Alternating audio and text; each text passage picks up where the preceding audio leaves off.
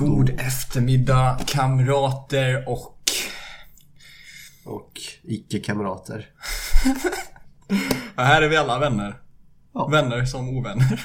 Vänner som ovänner. Vi välkomnar alla. Även de som eh, vandaliserar under Black Lives Matter-protesterna. Ja, eh, vi ska komma in på de här diskussionerna lite va. Eh, Det är lite... Jag har lite... Jag, vi vi behöver prata liksom. Mm, det, vi är lite, behöver- det är lite vi sån här... eh, prata. Det är, det- och det här är inget, det här är inget pillow talk. Det här är Nej. inget, det här är inget myspys. Så det är för fan eh, sen kväll i köket med en cigg och Ja, nej det här är... Det här är komma, vin. Ja precis, komma hem. eh, Komma hem tre timmar efter man sa att man skulle komma hem. Pappan väntar i fåtöljen liksom. det är den typen av snack. Men vet du vad, det kommer vi till sen. Hur är det med dig? Ja men det är bra. Kamraden. Det är bra. Jag, jag har jävla pollen. Så jag försöker bli av med. Ja, Jag, jag tror det var det första jag sa när jag kom in hit va? Att jävlar vad... Hög du ser ut. Du ser ut som den där snubben som åt eh, väldigt starka kycklingvingar du vet, som fick så här stora ögon. Ja. Den, Ja, de är eh, röda. Det klippet. De Ja, är fast röda. han hade redan röda ögon innan han började äta. De kliar. De svider. Synd om dig helt Mm, enkelt. det är synd om mig. Jag försöker det är synd överleva när det finns någon sån här systematisk eh, förtryckning av en. Mm. Precis. White man. Nej, hur är det? bra. Nej. Ehm, men det är bra. Alltså så här, det kliar ju så jävligt och jag, jag, ska, jag ska köpa ögondroppar i veckan. Tänkte jag. För mina har gått ut. Och de kommer Ja. inte tillbaka. Fast Du sa att de hade gått ut med typ två veckor. Ja. Eh, Jag Jag menar, hur mycket kan jag- hända på två veckor med liksom sån Kemikalier. medicin? Jag kan typ explodera. Man droppar så bara... Nej, men det, det är lite den här paradoxen med du vet utgånget kräkmedel. Mm.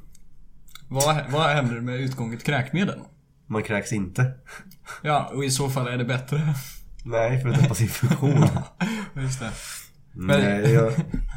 Ja, jag... Vad fan har hänt i veckan egentligen? Jag, Och du insisterade på introt när jag sa att Vet du vad Oskar, vi kör pang på rödbetan. Vi, vi get hot Mm. jag, har en, takes men... jag har en story att berätta. I, nej, nej, nej, story och story. Det var bara så jävla pinsamt. Och då är det någon sån här typ Tanna Mongo. så uttalar man inte hennes namn för övrigt. Tanna Monjo. Storytime. Precis. Sån här väldigt överdriven anekdot. Eh, Jag hann bara skriva ner hälften av, av, av eh, händelseförloppet. Men Ja, jag... Var det någon quiz-app du hade skrivit bara? Nej, det är mina anteckningar. Jaha, med alternativ? Ja. Ja. Jag tror jag kan bocka av liksom. Ehm, men det var så här va att um, Jag gick till jobbet Det är måndag morgon Trött Seg Och så Och så går jag in i hissen Och eh, jag, jobbar, jag jobbar på våning fyra eh, På någon byggnad. på någon byggnad. Och eh, det är fem våningar. Och vi har en jätte, jätte, jättetrevlig städerska. Det var för trevlig. Ja, nej, alltså hon är, hon är glad hela Sån här tiden. lite du vet, sån här personlig tränare. Feeling. Nej, Nej, det alltså här är ju hon det här är ett hon har insider tre- joke då. Ja, hon, Ja. har, hon har ett trevligt bemötande liksom. Alltså så här, ler alltid, ser glad ut, hälsar alltid. Hur är det med din mamma? Precis. Den, den, den typen. Personlig men trevlig liksom. Nej, och så eh, hoppar jag in i hissen och så står hon där liksom med sin, med sin eh, Städvagn. vagn liksom. Ja. Och hon står ju liksom, hur fan ska jag förklara det? När man går in i hissen så går man in på vänstersidan. Alltså Nej, bak, nu, alltså, har, nu har ju nog ingen sån här någon sorts orientering om hur rummet ser ut. Nej, men tänk dig en eh, rektangel.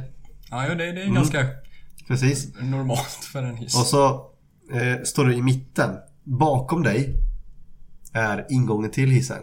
Mm. Och framför dig är utgången från hissen. Ut på våning fyra. Precis. Ja. Ehm, så jag går in. Så jag har ingången bakom mig och jag har den här trevliga städerskan framför mig. Så jag måste ju liksom gå förbi henne och den här vagnen. eh, för att komma ut. Och hon, hon, hon skulle våning fem. Jag skulle till fyra så jag skulle gå av mycket tidigare än henne. Ehm, ja, inte... Ja. inte mycket Ja. våning. Men, väldigt Eh, seg hiss kanske. Precis. Men eh, så hon är så snäll då så hon liksom går ut ur hissen. Mm. För att släppa förbi mig. Ja, Och då, då, då trycker jag ju liksom på den här stängt. Nej, nej, nej, nej, nej, nej, det är det jag ska komma till. Och det finns ju två knappar. Stäng dörren och öppna dörren liksom. Ja. Mm, så jag liksom öppnar, alltså trycker på att den ska öppnas alltså längre liksom. Ja. Ehm, men då stängs den ju ändå. Ja, vadå bara magi? Ja, Jag vet inte, alltså den stängdes, jag såg ju, alltså dubbelknapp, jag tryckte ju liksom så att den ska liksom, när man vill att den ska öppnas liksom. Ja. Så, ja. Och så stängdes den ändå. Och då såg hon, men det, det låter när man trycker på knappen. Så att, så att, det var så, det stela var ju att hon gick ut och hissen stängdes och hon hörde att hon hörde tryckte på någon knapp. Så hon trodde ju förmodligen att det var ett rövhål. Förklarar du inte det för den här snälla, snälla städerskan? Nej, för jag bara gick, jag fick panik. Det är, det är typ det sämsta jag, jag fick ju panik så jag bara gick. Ehm, och, så, och så hör jag liksom hur dörren stängs och så kollar jag och så står hon kvar där liksom. Så hon tror ju obviously nu att jag stä, alltså, stängde på t- stäng, på stäng dörren-knappen och lät den liksom vara där. Ja, precis. Alltså, du var aktivt otrevlig. Ja, Det är lite det här man säger god morgon till någon och så lägger de fälla med på en ungefär. det Det- var fan jobbigt alltså. Men eh, vadå, hade du tänkt att planera att eh, förklara den här Just det, jag kom en vecka senare jag bara Du det var inte så, så jag menar. Okej. Det kommer blommor och smörgåstårta liksom. Ja, Jo, fan. för en eh, vecka sedan så var det en incident. Malena. Det var en incident förra veckan va? Ehm, jag, jag måste för, förklara det här. Ja. Nej, det var jobbigt. Jag, jag framstod som en dålig människa, som en dålig person. Ja, jo, Väldigt ja, det, jag, du, jag håller med. Det är en ganska eh, självinsiktsfull eh, analys av dig själv. Men, eh, Fan. men du vet, man har ju några sekunder när du bara är på reträttsidan liksom. Du bara går därifrån. Ja. Jag slog dig aldrig tanken då att bara vända åt... Nej, Men vad skulle jag sagt? För jag var ju inte heller jag klickade på håll uppe. Men den stängdes. Sorry. Ja. Det gick rätt fort nu när jag förklarade det. ja, men där och då fick jag ju panik. Du hade till och med kunnat säga medan du gick därifrån. Nej, Fast om du bara hade sagt sorry så hade det varit värre tror jag. Ja, för så här. Ja, förlåt. ja. Så det var din eh, veckans personliga anekdot. Jag tror vi har haft många incidenter vid hissar du och jag. Jag, jag har ju fastnat i en hiss. Ja, just det. Precis, det var ju när vi hade projektarbete så här, eh, Fyra grabbar och två tjejer och vi, vi fick ju för oss då att vi skulle ta den stora sån här eh, Ja, Bamsehissen. Bamsehissen du vet som man typ flyttar containrar med. Nej, nej men det eh, är stora vagnar och sånt där. Ja. Vi tog den. Och så klickade vi på en sak. Vi åkte ner och sen så klickade vi på någon kombination av de här knapparna. Så jag stannade liksom halvvägs. Mm. Så fick vi vänta en halvtimme. Och då körde upp det med kofot. Och då insisterade jag, gå ut fort för den kan falla ner. Så, Fan.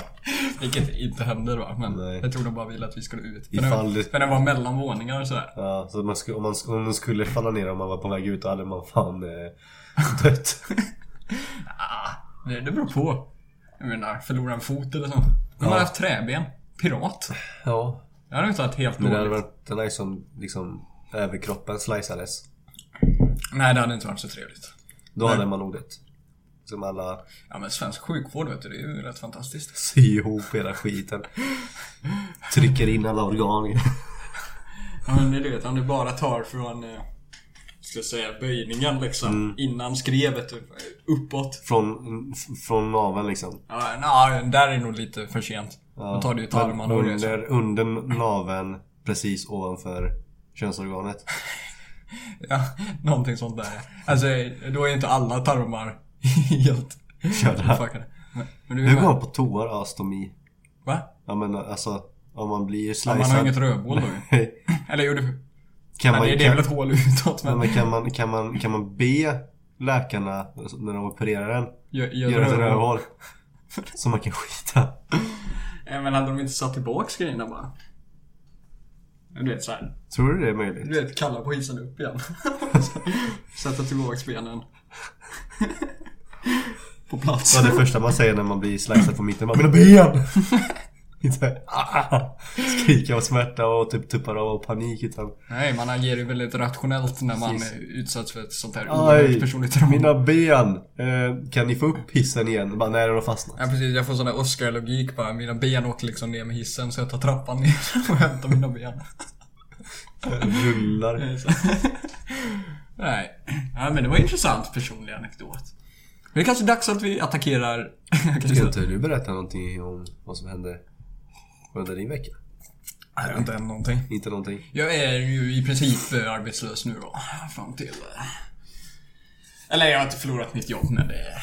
Det är så här, det, det kommer en ny kull liksom med eh, ungdomar. Liksom, som, Lammkött. ska, som ska ta... Ja, det är, så, det är så vi säger företaget. Nollorna.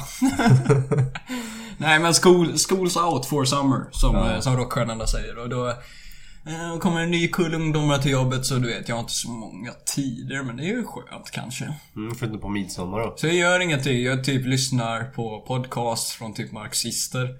eh, I princip. Nyttigt. Eh, Malcolm Schione är en eh, marxistisk tänkare jag skulle vilja rekommendera för folket här.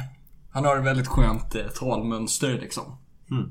Och han... Eh, när man säger marxist så tänker många kanske du vet såhär. Åh, Bernie Sanders, okej. liksom. Men eh, nej, han, han, han är inte den typen. Jonas utan- Sjöstedt. Uh.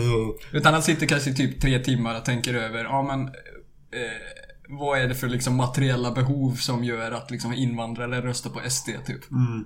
Han tänker på sådana saker. Och han, är- han är ju sån här klassisk... Han har ju läst Marx och så här, han refererar ju till kapitalet och sånt där hela tiden. Mm. Som om det vore värsta bibeln typ. Men... eh, det är lite mer intressant va, en sån här klassisk eh, socialism, demokratisk socialism och sånt där. För det är ju rätt basic grejer va. Utan han kommer... Eh, Det, det är egentligen bara vara arg. På människor som arbetar. Han, han snackar om sin origin story, typ att eh, han hoppade av eh, universitetet och han skulle bli advokat. Ja. Men eh, han gjorde typ den här läsdelen av advokatåren. Mm. Sen hoppade han av. Mhm. Så spelade han typ World of Warcraft åtta timmar om dagen. och sen han sa bara så här, ja jo men typ efter åtta timmar så känner man inte riktigt för att spela World of Warcraft längre. Så han började läsa liksom kapitalet av Marx då. och sen andra så här eh, filosofer och tänkare och han, han verkar ha läst jävligt mycket va, för han refererar till liksom ganska sjuka saker ibland. Han refererar till till exempel någon sån här typ SS generals typ bok. Så här om våld typ. Det är det är en ganska specifik grej typ. Ja. Så det, det, det har typ inte med nazism att göra men han bara, ja ah, jo men han har en ganska intressant analys om våld. Och typ hur det uppstår och så här, gängvåldtäkter och sånt där. Jävlar. Han bara, jo det kan appliceras idag. Och så, och så läser han väldigt så här konstiga, han rek- rekommenderar den här hemsidan som heter eh, Jacobite Magazine. Aha. Och det är som jakobinerna då i Frankrike. Du vet de som har halshögg alla. och, det är typ som något hopkok av eh, människor som egentligen inte borde skriva tillsammans, som skriver tillsammans. Ungefär. Okej. Så det är olika analyser och sånt där. Han är väldigt intressant. Spännande. Jag rekommenderar eh, Vad hette han sa du? Malcolm Schione. Shione. Men det, det stavas Q... K-Y-E-N. Shione låter som en pizza tycker jag. Ja, wow. White man. Nej men jag rekommenderar att lyssna på kanske Hur kan vi? Eh, vad fan heter han? Navid? Efternamnspodd. det är bra att rekommendera en konkurrent eh, på sin egen podd. Eh, där han, eh, han snackade om identitetspolitik med en professor och eh, han är Navid. Hur kan vi snubben? Eh, ganska intressant. Snackade i typ två timmar om identitetspolitik och han, han använder du vet, många människor kan använda ganska så här, svåra ord ibland. Eh, och det kan, det kan ju låta väldigt jobbigt. Ja. Så här, som att det är ganska tvingat. Men han, han får ju liksom in sådana ord i typ meningar så att det låter typ ganska smart. Istället för Avsla- bara... Avslappnat liksom. Ja men han, vet, hur får man in ordet epistemologi i en mening? Det är ungefär, det, det tänker jag. Men han, han lyckas apparently. han så, bara kör. ja. Han driver en egen podd också som heter eh, Marcus och Malcolm. Mm. Kommunistisk eh, podd. Trevligt. Så ni behöver inte anamma idéerna men ta och lyssna. för Det, det är Men det är ju nytt, vi har ju sagt det förr. Att man ska ju... Ska man läsa om någonting eh, och alltså man ska ju undersöka andra, alltså man ska inte bojkotta andra ideologier. Nej. Bara för att man tycker någonting olika. Nej, men- Jag älskar ju för fan eh, Alex och Sigge. Ja. Och de är ju champagnekommunister deluxe. ja precis, och det, är- det, det är ju typ ett sånt där uttryck som... Han, han var med på Henrik Jönsson här, Malcolm då. Mm. Och det, det heter ju Champagne med Henrik. Det heter programmet liksom. Och då öppnar de champagnen och bara Jo men det här var nog en av de finare gratis champagne jag har fått på, på något sånt här evenemang. Ska säga. Och han har också varit med på Aron Flams podcast som är då mega libertarian typ. Så det är väldigt stor skillnad mellan dem. Ja. Så, så han säger ju typ något sånt där att Ja men typ slaveriet i USA liksom Det är ju på något sätt den här libertarianska idyllen liksom att Typ bönder hänger på sin egna gård och gör ingenting. och, och Aron Flam blir triggered som i helvete. Nej, så det har jag gjort. Eh, svenska tänkare. Aron Flam och Spännande. Malcolm Q. Nyttigt. Ja, det vet jag fan, men intressant. Men och man behöver inte nödvändigtvis lyssna på marxistdelarna, utan man kan lyssna på de andra intressanta delarna. best of Malcolm. Ja men typ om våld är rätt intressant. När han snackar om typ Balkan och sånt där. Typ om hur folk på TV kunde snacka om typ bästa sättet att våldta bosniaker typ. Åh jävlar. Och så här, och om man hade snackat så om serber i Serbien så hade ju folk blivit så här helt sjuka i huvudet liksom. För att så här, bara, oh shit han är fan deprived. Ja. Men det var ju sånt som kunde liksom hända, sa han då. Att, så här, man kunde, att det är lätt att avhumanisera och att folk lätt kan komma tillbaka till samhället efter att ha haft sådana tankar. Det, var ju extremt våld, folk mot folk där. Ja. Och nu är de flesta... Alltså det, det var inte jättelänge sedan. Nej. Och folk är ju vanliga nu. Ja. Eller, eller så... Ja. ja. Ja. Ja men precis. De Vanliga lika- icke-våldsamma... Ja precis, de är inte lika aggressiva mot varandra liksom. De har gått eh, ihop och blivit gemensamt. Så det, det har i princip varit min vardag. Trevligt. Men... Eh, Ska vi köra pang på rödbetan men eller? det gör vi fan. Vad, vad, vad, vad, ska vi snacka idag? Alltså vad är nu- main segment? Ja. Jag tänkte vi skulle attackera ras. Men, jag tänkte vi skulle snacka om... Det var verkligen pang på Ja, det. var, det var bara, jag vet, no holding back. Det är bara smisk på hästen och springa iväg liksom. Här filtreras ingenting. Nej, men det har blivit ganska jävla aktuellt nu va? Eh, I och med elefanten i rummet. George Floyd. Han blev ju ganska brutalt dödad liksom av eh, ja, en eller om man ska ta med de som var med också, fyra poliser. Eh, som eh, då, han den kändaste då som satt på honom, Ja. Derek Chauvin. Han eh, höll ju sitt knä mot George Floyds eh, nacke liksom i åtta minuter tror jag. Åtta och en halv kanske. Och eh, varav tre minuter så var han ju medvetslös va. Ja. Och det här har ju då sparkat ett sånt där mega outrage typ. Förståeligt nog va. Eh, och så har dragit upp hela rasdebatten. Och skillnader, eh, institutionell rasism, eh, svarta mot vita. Eh, I USA och typ världen runt va. Typ att eh, jag tycker det är lite så här när man ser Amnesty, typ lägga ut artiklar om att få amerikaner att sluta mörda oväpnade svarta människor typ. Eh, det är lite sån här diskussioner vi ska ha, men jag tänkte vi bara tar upp fallet först va. Ja, så att... eh, Och dess liten- konsekvenser, En litet, en litet brödtext. typ. Ja men det, vi tar upp fallet och liksom vad som hände. Det här, det här är ju väldigt... Eh, jag vill säga att det är ett icke-kontroversiellt fall på det sättet att det i princip alla håller med om att den här polisen gjorde fel. Ja. Alltså det, det är så här, det är knappt någon som säger att Nej men vet du vad, vi, vi väntar på bevis typ. För att för finns ju fan värd. bordet. Men Ja, sen, så, sen så finns det ju de som hävdar också att ja, men så ska man hantera liksom. Ja, ja, men det är ju liksom typ Richard Spencer kanske. Jag vet nej, nej, jag vill inte säga. Nu ska man inte... Jag, jag sätter inga ord i någons mun här, men... Nej men typ så här, I princip alltså, ingen har ju försökt säga liksom att Ja men det här var ju bara liksom typ eh, Någon eh, snubbe som goofed up typ. Precis. Det, är- det är ju ingen som Ingen på Fox, ingen på Breitbart så här, som faktiskt hävdar det här. Eh, så, här så, så på det planet håller, verkar ju alla typ hålla med varandra. Och sen att de här poliserna faktiskt eh, är åtalade nu va? Alla fyra. Eh, jag tror Derek Chauvin, han blev ju åtalad för eh, second degree murder då. Som är eh, typ klassiskt dråp. Eh, det är högre än vållande. Men mindre än mord. Ungefär. Vilket är ganska rimligt åtal. Ja. Eh, och de fyra andra som är medverkande. Det har jag sett i svensk media. Och jag vet, jag vet inte varför typ alla har gjort det här misstaget.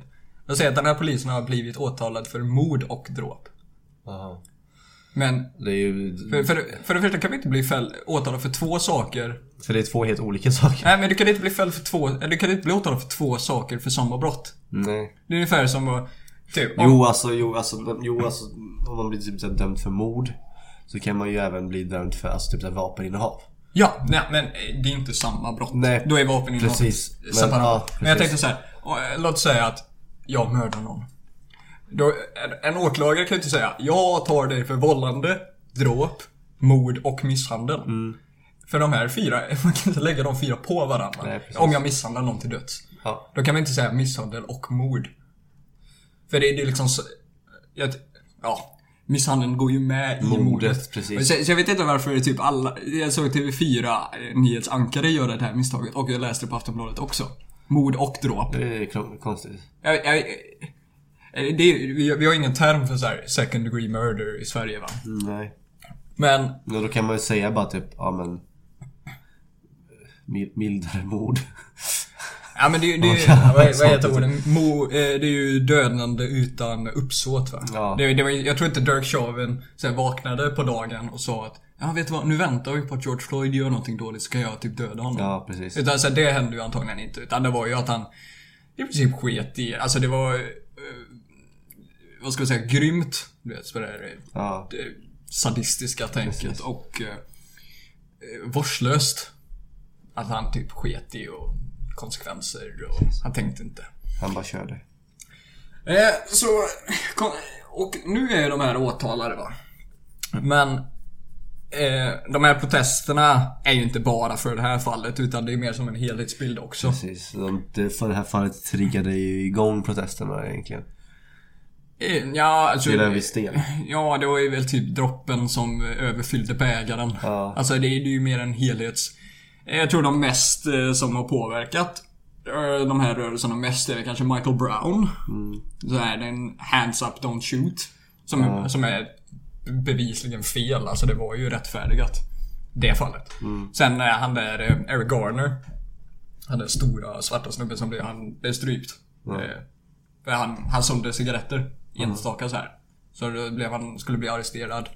Så eh, motsatte han sig, eller han gjorde motstånd. Och då var det en som gick bakifrån och gjorde så här strypgrepp typ. Ja. Och så sa han I can't breathe. Föll ner till marken, dog typ. Jävlar. Eh, det var också en ganska stor grej. Eh, och massa andra fall, typ. Eh, och de här protesterna är väl så här syftesmässigt bra.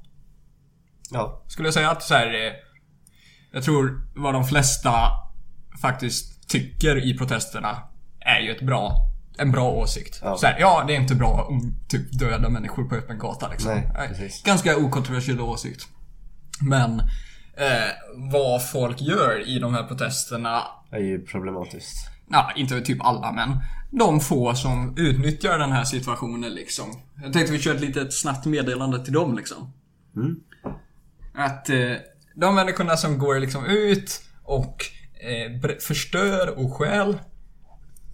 Det är, inte, det är inte synd om dem och det är inte förståeligt. Nej. Och jag har sett liksom Facebook-klipp, jag har sett Facebook-rants, typ videos. Där de bara ja, jo men det här är liksom decennier av rasism som liksom har gjort att människor bara typ plockar upp högafflarna och spetsar den vita mannen typ. Precis. Det här är inte förståeligt liksom. Jag förstår, jag förstår riktad in, ilska liksom. Ja. Du vet. Jag säger inte att jag håller med, men typ att bränna polisstationen känns ju mer lämpligt. Än Ja. att så här, ja, vet du vad? Typ, Anders mördade Steve, så därför ska jag råna Filip och bränna ner hans hus. Ja. Det, det är ungefär den logiken jag ser va. Och det är inget förståeligt i det. Alltså dessa människor är fucking drägg. Ja. De, de, de är psykopater som utnyttjar den här situationen för sin egen vinning. Ja, för att göra, alltså när när det är kaos i en stad Så eh, när polisen har fullt upp med att liksom ta hand om demonstranter Så utnyttjar de ju hela det här scenariot till att göra brottsliga saker Ja, precis. Och sen så är det ju samtidigt människor som skriker att defund the police typ. Eller så här, det är då ju vissa som föreslog att man skulle ta bort den lokala polisen i Minneapolis liksom. Eh, du vet, där stod så här ett gäng demonstranter typ. Och så gick han, borgmästaren ut. Ja. Han såg ut... Okej, han hade ansiktsmask på sig så han såg ut... Och han ser jävligt ung ut så han såg ut som typ en liten 15-åring eller någonting. Så stod. Och de bara, vill du ta bort polisen? Så här. Och han bara, "Eh, nej. Ja, så här, ta bort är det, är det lösningen vi ska köra på? Abolish the police liksom. Jag bara nej. Och jag menar, är det någonting de här protesterna som liksom brytit ut i så här våldsamma fucking eh, kaos så är det väl att vi behöver polisen. Ja. Eller, alltså du vet de här människorna som bara fucking går ut och rånar och stjäl och bränner. Ja. Privata. Ja, Butiker och Ja. alltså, en, alltså entreprenörers livsverk i Det är ju princip. dessa som är typ en stor del av problemen för till exempel de svarta i USA. Liksom, Att det är ganska få som begår ganska mycket brott. Och dessa människor utnyttjar ju den här situationen. Det är vita som svarta liksom. Ja. Det är ju många, och så här. Eh, det har varit några som har dött i protesten också. Mm. Jag tror sex personer har dött i protester. Liksom bara för att sätta det i skala så var det ju typ 13 människor tror jag som dog förra året av polisvåld medan de inte hade vapen på sig. Jag menar, på några veckor. Det är inte, det är inte riktigt förståeligt kanske. Nej. Men ändå, principen av protesterna har väl ett gott syfte kanske. Och syftet är ju gott. Men, eh, ja. ja, men det, är, det är synd bara att folk utnyttjar protesterna till att göra någonting ont liksom. Sen släppte ju Trump ut militären på gatorna också. Jag tyckte om det beslutet. Ja, det vet jag fan. Alltså, som sagt.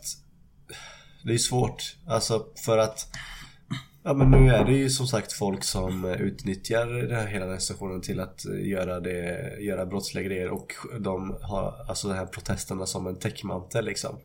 De använder sig utav protesterna för att kunna göra sjuka grejer liksom. Stjäla och så. Ja, precis. Det är ju samma människor som utnyttjar Religi- här, eh, religion till... tornados och grejer. När, Ja. det, när det kommer så här naturkatastrofer så går de och rånar kläder typ. Ja, Så här, det finns inget sätt att rättfärdiga att ta typ dyra skor nej. när det är eh, naturkatastrofer. Jag menar, toalettpapper och mat kanske liksom. Ja, du vet om människor är i kris, det är inte så jävla mycket man kan göra.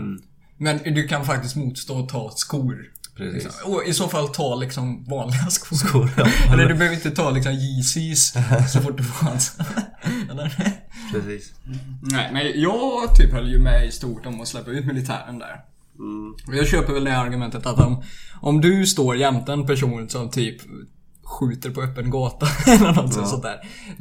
Då fokuserar man kanske inte på, så mycket på personen som står jämte som är fredlig utan man fokuserar mer på den personen som gör det dåliga.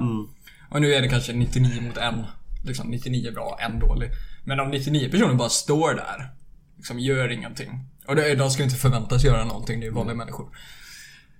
Man måste ju typ fokusera lite på att det faktiskt finns människor som typ rånar privatpersoner och bränner deras eh, byggnader. Jag menar, i Minneapolis tror jag det är 60 byggnader som i princip måste byggas om nu. Oh, jävlar. Alltså de är så förstörda så att det går inte att använda.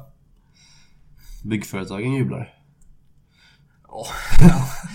Fast det är, det är lite så här att... eh, Ja, det är ju det är något sånt där pseudoekonomiskt argument va? Att sånt där, folk tjänar på att förstöra saker. Eller, eh, det är den här... eh, Obama hade någon sån här policy Ja. medan han var president. Så här cash for clunkers. Okej. Så man lämnade in sin bil och förstörde den så fick man pengar. Ja. Det gjorde ju att folk förstörde begagnade bilar i bra skick. Så det släppte ut mer eh, liksom dåliga grejer. Mm. Och man spenderade alldeles för mycket pengar på det för det tog slut direkt va. Ja. För om man har typ en jävla skitbil men den går att köra i tre år till. Då lämnar man in den där och bara slog sönder den. så här, och det, det blev ju mindre bilar sammanlagt och det förstörde ju liksom saker. Eh, Så jag tror inte, du vet, nödvändigtvis. Byggföretag hade ju bara kunnat Nej. bygga nya byggnader. det- Eller göra om byggnader. Det var, det var en ironisk kommentar. Ahaha. Nej. Det... Så det är det hela. Och sen så har det varit pro eh, protester i Sverige också. Ja, det ska jag också kommentera. Ja. Det är... Här, du kan ju ta upp det här klippet du visade. Ja, Eller sätta upp eh, ja precis. Alltså det, grejen det, där. det, Det, det sätter en det, liten positiv ton på det. det som händer i USA har ju liksom eh, svenskarna sett och blivit liksom... Ja, det har ju hela världen sett Ja. på det sättet att USA är ju kanske, du vet, en... Men, en av de centralaste ja, nationerna. hela västerländsk kultur utgår ju ifrån USA. Så det är inte så konstigt att vi har blivit påverkade här liksom. Och så, ja, svenskar gick ut på gatorna och protesterade eh, om liksom eh, Black Lives Matters. Och eh, så- i samma sak som i USA där det var en hel del eh, fredliga protes- protester men ja, det finns ju... En väldigt stor majoritet. Ja precis, men det finns ju även Oerhört idiot- stor. Ja, oerhört stor.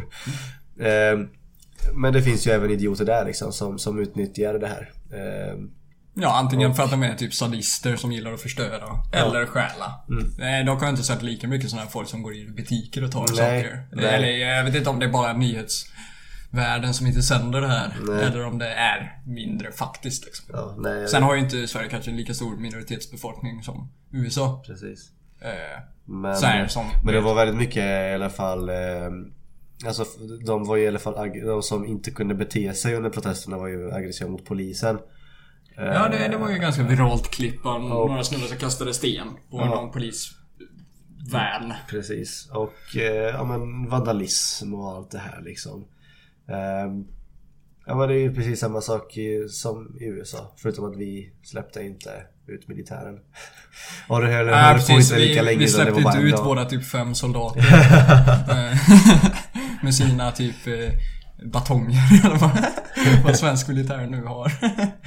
Nej. Glock. Nej men det, det, det är ju inte samma skala va. Men jag Nej. tycker...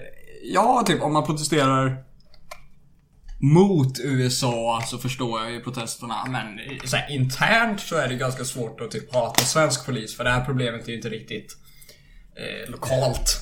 Nej, här, precis. liksom, jag, jag tar svenska poliser har ju för fan eh, reflexvästar liksom. Precis. De, Att det är så här, det, det ser... de håller ordning genom att rida på hästar liksom under, under festivaler och större folk. Ja precis, jag tror inte det här att poliser typ skjuter människor och sånt där. Det är ju inte ett lika stort fenomen i Sverige. Även om Sverige är liksom jävligt litet jämfört med USA och så här. Eh, USA är ganska diverst. Eller Det finns väldigt stor skillnad mellan California och Louisiana typ. Att så här, eh, det går inte riktigt. Det är typ som att jämföra att säga att Sverige och Polen är i samma region och att så här, blanda ihop de två. Men egentligen ska man inte göra så. Det är ju bättre kanske att titta lokala grejer och Precis. jämföra Polen med Tjeckoslovakien kanske mer fair och Ja. Sverige med Norge. Liksom. Så, så är det Tjeckoslovakien. Tjeckien. Jag vet, jag bryr mig inte så mycket om världen det, är det, det bevisar min point va, att ingen bryr sig om resten av världen. Det är i princip bara USA som är relevant här. Och sen eh, också, man kan ju inte jämföra USA, för det, det är ju jävligt mycket mer brottslighet i USA. Eh, det är typ deras grej liksom. nej, nej, nej men alltså... vad är ni kända för? Eh, Det enorma antalet mord. Nej men om man bara tittar dödligt våld. I Sverige typ runt 100. Ja. Det har typ varit det ganska länge. Runt 100. Eh, USA, så är det liksom fem gånger den delen. Eh, och det är ju inte helt... Eh, Men det är för att i Sverige har man ju förbund till allt va? Så att, eh, så att eh, man har ju så här den, den nationella eh, mördarförbundet. Så, så här, de har ju ett tak på 100 och så har, och så har de ju som en counting streak liksom på så här. okej nu har vi fan, nu börjar vi närma oss 100. ja men det är ju att de första 100 är subventionerade va. Så, så det är så här, ja nu har vi dödat tillräckligt. Eh, det räcker i år. nej, precis. Det är ju åtta timmars arbetsdag. Vet du vad, vet du vad Peder? Vet du vad Peder? Du får årets sista. Precis, det, det, ju- vi får ju tacka Socialdemokraterna för åtta timmars arbetsdag liksom. Mördarna hade ju inte orkat med annars liksom. Det är väldigt ansträngande. De måste också ha ledigt ibland. Nej. En rolig anekdot jag vill ta upp om protesten också. Eh, Det var ju en MSNBC-reporter va, som var i protesterna bland de här första dagarna då. Ja, just det. Ja. Han, han stod där och skulle förklara situationen. Bara, ah, jo, det, det kanske ser lite kaotiskt ut men liksom de flesta är ju fredliga här. Det får vi inte glömma. Eh, och den roliga detaljen då är att byggnaden bakom honom brinner. så här att... Så så här, här, ett helvete bakom honom liksom. Alltså det är Dantes Inferno liksom bakom den här reporten. Och jag menar, ja, principen av det han sa är väl sant. Men att han var... Just Kan, kan inte en reporter tänka lite, du vet så här, Bakgrunden. så här, vänd kameran 90 grader typ, så Så- är det här problemet löst. Då hade inte du varit liksom en joker i samhället. Nej. Nej. Och det är ju egentligen det vi ska prata om det om, det, om främst idag. Va? Om vadå? Rasism. Ja, jag tänkte jag skulle ta upp lite där om eh, just skillnader. Jag tänkte- Jag vill ta upp en till eh, sån här typ problem jag har med de här protesterna kanske. Det är att det är väldigt stor enighet om att vi har, eller att det finns ett problem. Men det är väldigt lite enighet. Det är lite som det feminism ungefär. Eh, Alla kan typ se problem. Men i princip ingen har ju någon sån här gemensam lösning på det. Ja. Att det, det är väldigt eh, okonstruktiva protester. ja. Det, det, Det är inte så konkret. Nej, det är motsatsen va. Det är ungefär typ som att vita människor som känner skuld över rasism typ går ut och säger jag är inte rasist typ. Jag är emot fattigdom. Det är en sån liknande. Jag, jag är emot hunger. Ja, ja precis. Det, det, det är lite så när man har de här protesterna. Man låtsas som att det faktiskt finns människor som är för liksom rasism så här öppet i politiken och Ja. eller så här för världshunger. Precis. Ja det är klart, det är klart det är en bra motivation att vara hungrig liksom. Nej, så eh,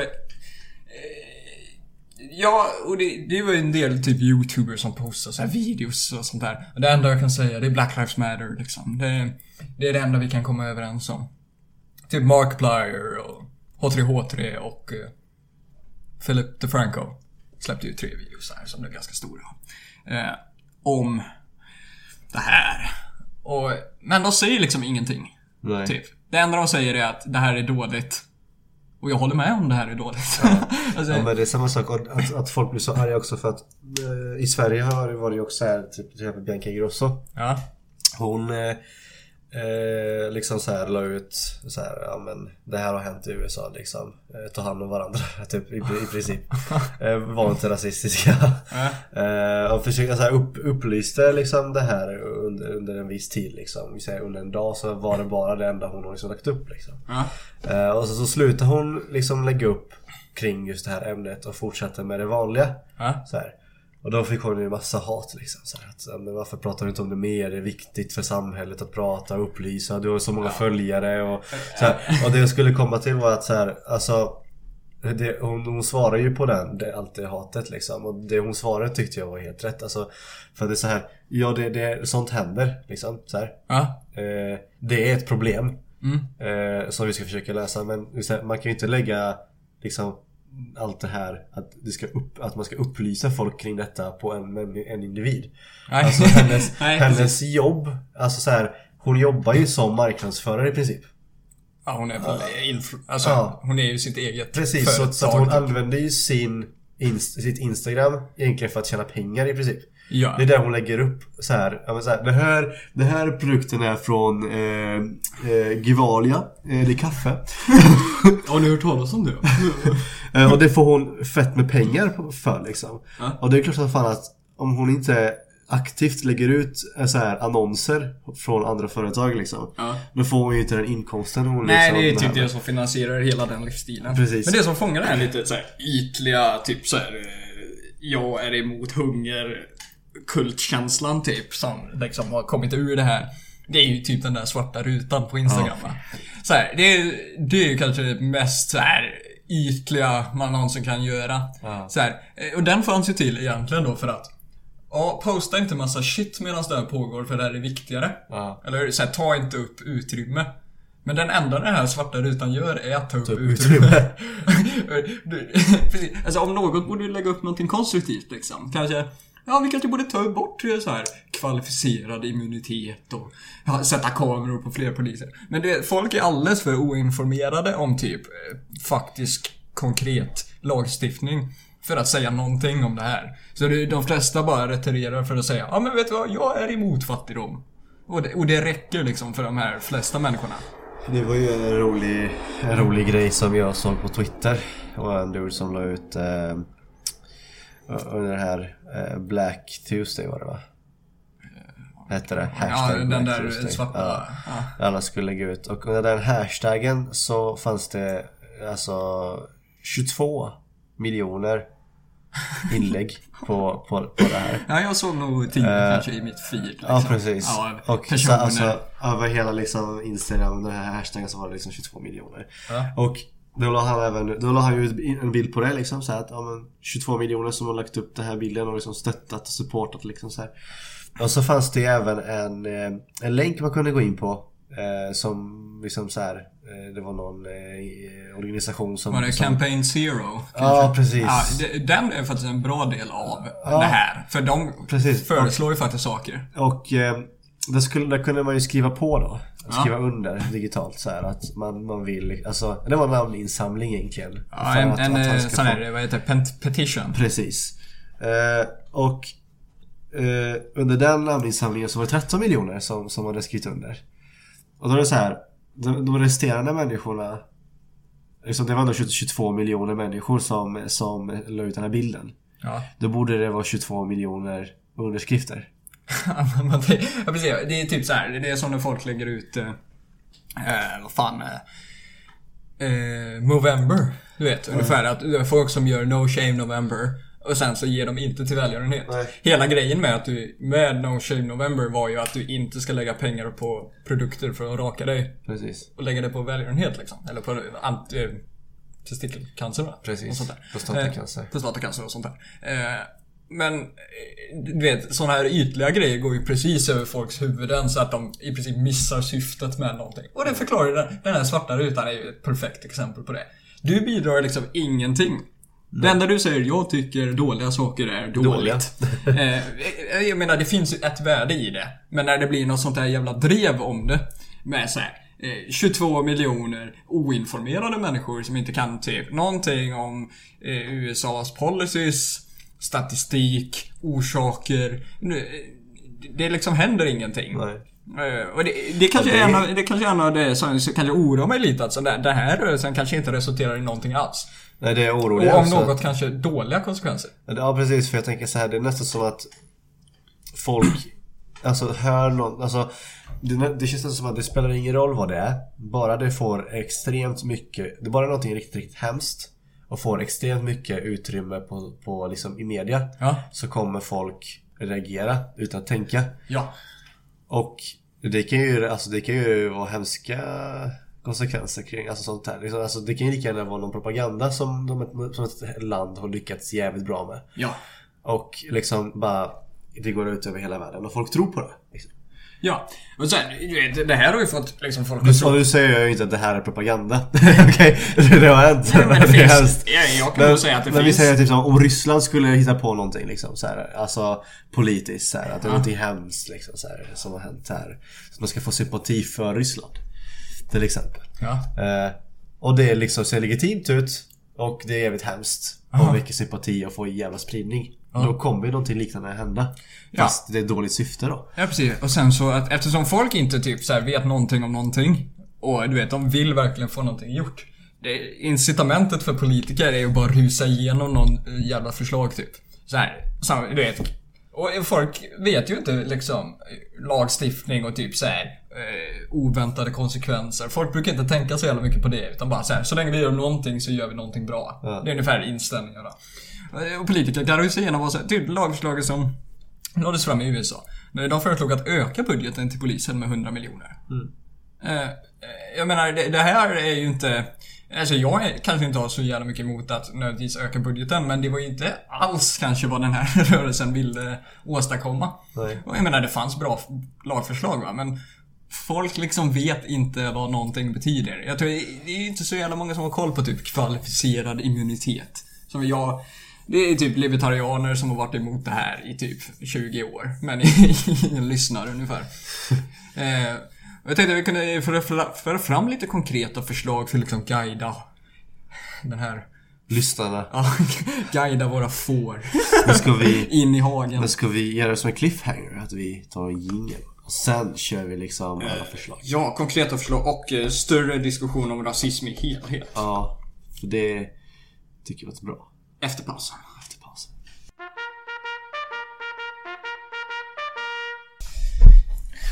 Alexander! Ja, fan. Nu ska vi snacka rasism! Oh, oh yeah. Mitt favorittopic. Jag tänkte ta upp en liten analys först va. Det- USA är ett ganska intressant, eh, unikt land liksom i historien som helhet va. Oh ja. För att det, det är ett land som på böckerna liksom inte har några typ rasistiska lagar kvar. Eller i princip alla rasistiska lagar har tagits bort. Förutom kanske affirmative action då, fast det är ju åt andra hållet. man ska se. Det hjälper ju svarta. Och, eller man tror det i alla fall. Eh, nej, det, man kan ha diskussioner om det. Thomas Sowell är en bra um, ekonom som har snackat om det här. Eh, Men eh, det har inga rasistiska lagar kvar på böckerna som eh, tar segregation eller eh, slaveri eller du vet att svarta inte får rösta. Eller att svarta inte får starta business. Svarta får inte åka buss tillsammans med vita. Eller gå i samma skolor. Eh, De lagarna är ju liksom gone. Liksom. Vanished. Ja, de är vanished. Eh, Men USA var ju ganska rasistiska ganska sent, typ. Alltså det var inte så länge sedan folk var ganska öppet rasistiska i USA. Det var ju ja, 60-70-tal kanske. Då precis. liksom Demokraterna var i princip ett nazistiskt parti, om man ska säga. Ja. Eh, Lite intressant kan vi snacka om Demokraternas partihistoria också. Men det är till, till ett annat avsnitt. Nej, kan vi slänga in här också. Jaha, okej. Kör på. Eh, på, och på ett sätt lever ju kanske USA med ett ganska stort arv av rasism. Precis. Som eh, du vet, det är mycket väl att många lever ännu idag som känner effekterna av. Framförallt segregation. Tror slaveriet har nog inte lika stor effekt längre, för det var så länge sedan. Det var 50-talet, 1850 Ja. togs det bort. Så det är ganska många generationer bort. Så det är antagligen inte så mycket påverkan längre. Eh, men olikheter stannar kvar på många sätt. Kan du typ några av de kändare som man brukar ta upp mellan svarta och vita då framförallt. Ja, men typ ekonomiskt, så, tänker du? Inkomst, Ja. eh, tillgångar. Utbildning. Typ en känd statis, eh, statistisk grej är ju att om en eh, vit familj har 100 dollar i tillgångar så har en svart familj ungefär 5 dollar. Ganska stor skillnad. Men eh, jag tänkte att vi ska förklara det kanske lite så här. Vilken politiker var det som sa eh, eh, de, de vita barnen och de fattiga barnen? Ja, Joe Biden. Ja. Ja, men lite intressant. Han hade, han hade ju faktiskt kompisar som var segregationister. På 70-80-talet och sånt där va. Eh, ja precis. Så eh, typ när en eh, vit familj tjänar 100 kronor, så har, eller inte tjänar, när de har 100 kronor så har en svart familj 5 kronor. Eh, inkomstskillnader. Eh, fängelse. Att det är väldigt mycket svarta människor i fängelse. Och typ att de eh, arresteras oproportionerligt för vissa brott. Ja. Till exempel Svarta kids och vita kids röker marijuana ungefär likna, liknande frekvenser liksom per capita. Men svarta kids grips oftare. Eh, svarta får hårdare domar, brukar vara vanliga exempel. Eh, och generellt liksom typ sämre i många delar av livet. Eh, men detta säger ju inte nödvändigtvis då att det är liksom rasism här och nu. Eller alltså, man kan inte bara titta på en skillnad och säga det här är den här orsaken. Det är lite som lönegapet du vet att man tittar på skillnaden mellan kvinnors löner och mäns löner. Men man liksom undersöker inte orsakerna till varför det är så. Nej, så man bara antar att det är diskriminering och anti-kvinnohat och sånt där. Jag tänkte vi kunde, diskutera det lite i början då. Alltså varför är det så här, typ? Jag har en liten analys om hur typ svarta delar av USA blev liksom på det här sättet. Ungefär. Att det blev så jävla mycket sämre typ för svarta i USA.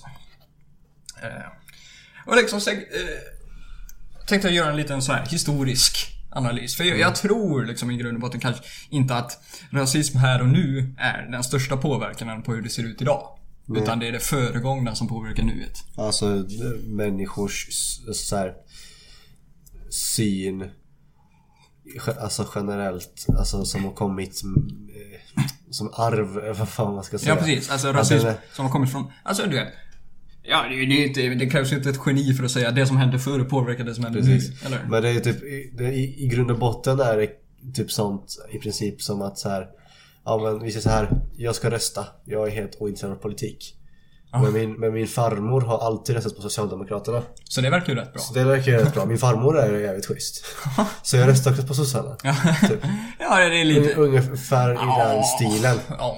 Alltså såhär, jo men alltså, Alltså det är, ja på ett sätt en, ja, rättfärdigad jämförelse. men så här, mina föräldrar Eller min farmor som, som, som är svart Har haft så här Och Ja. folk såg henne på det här sättet Ja.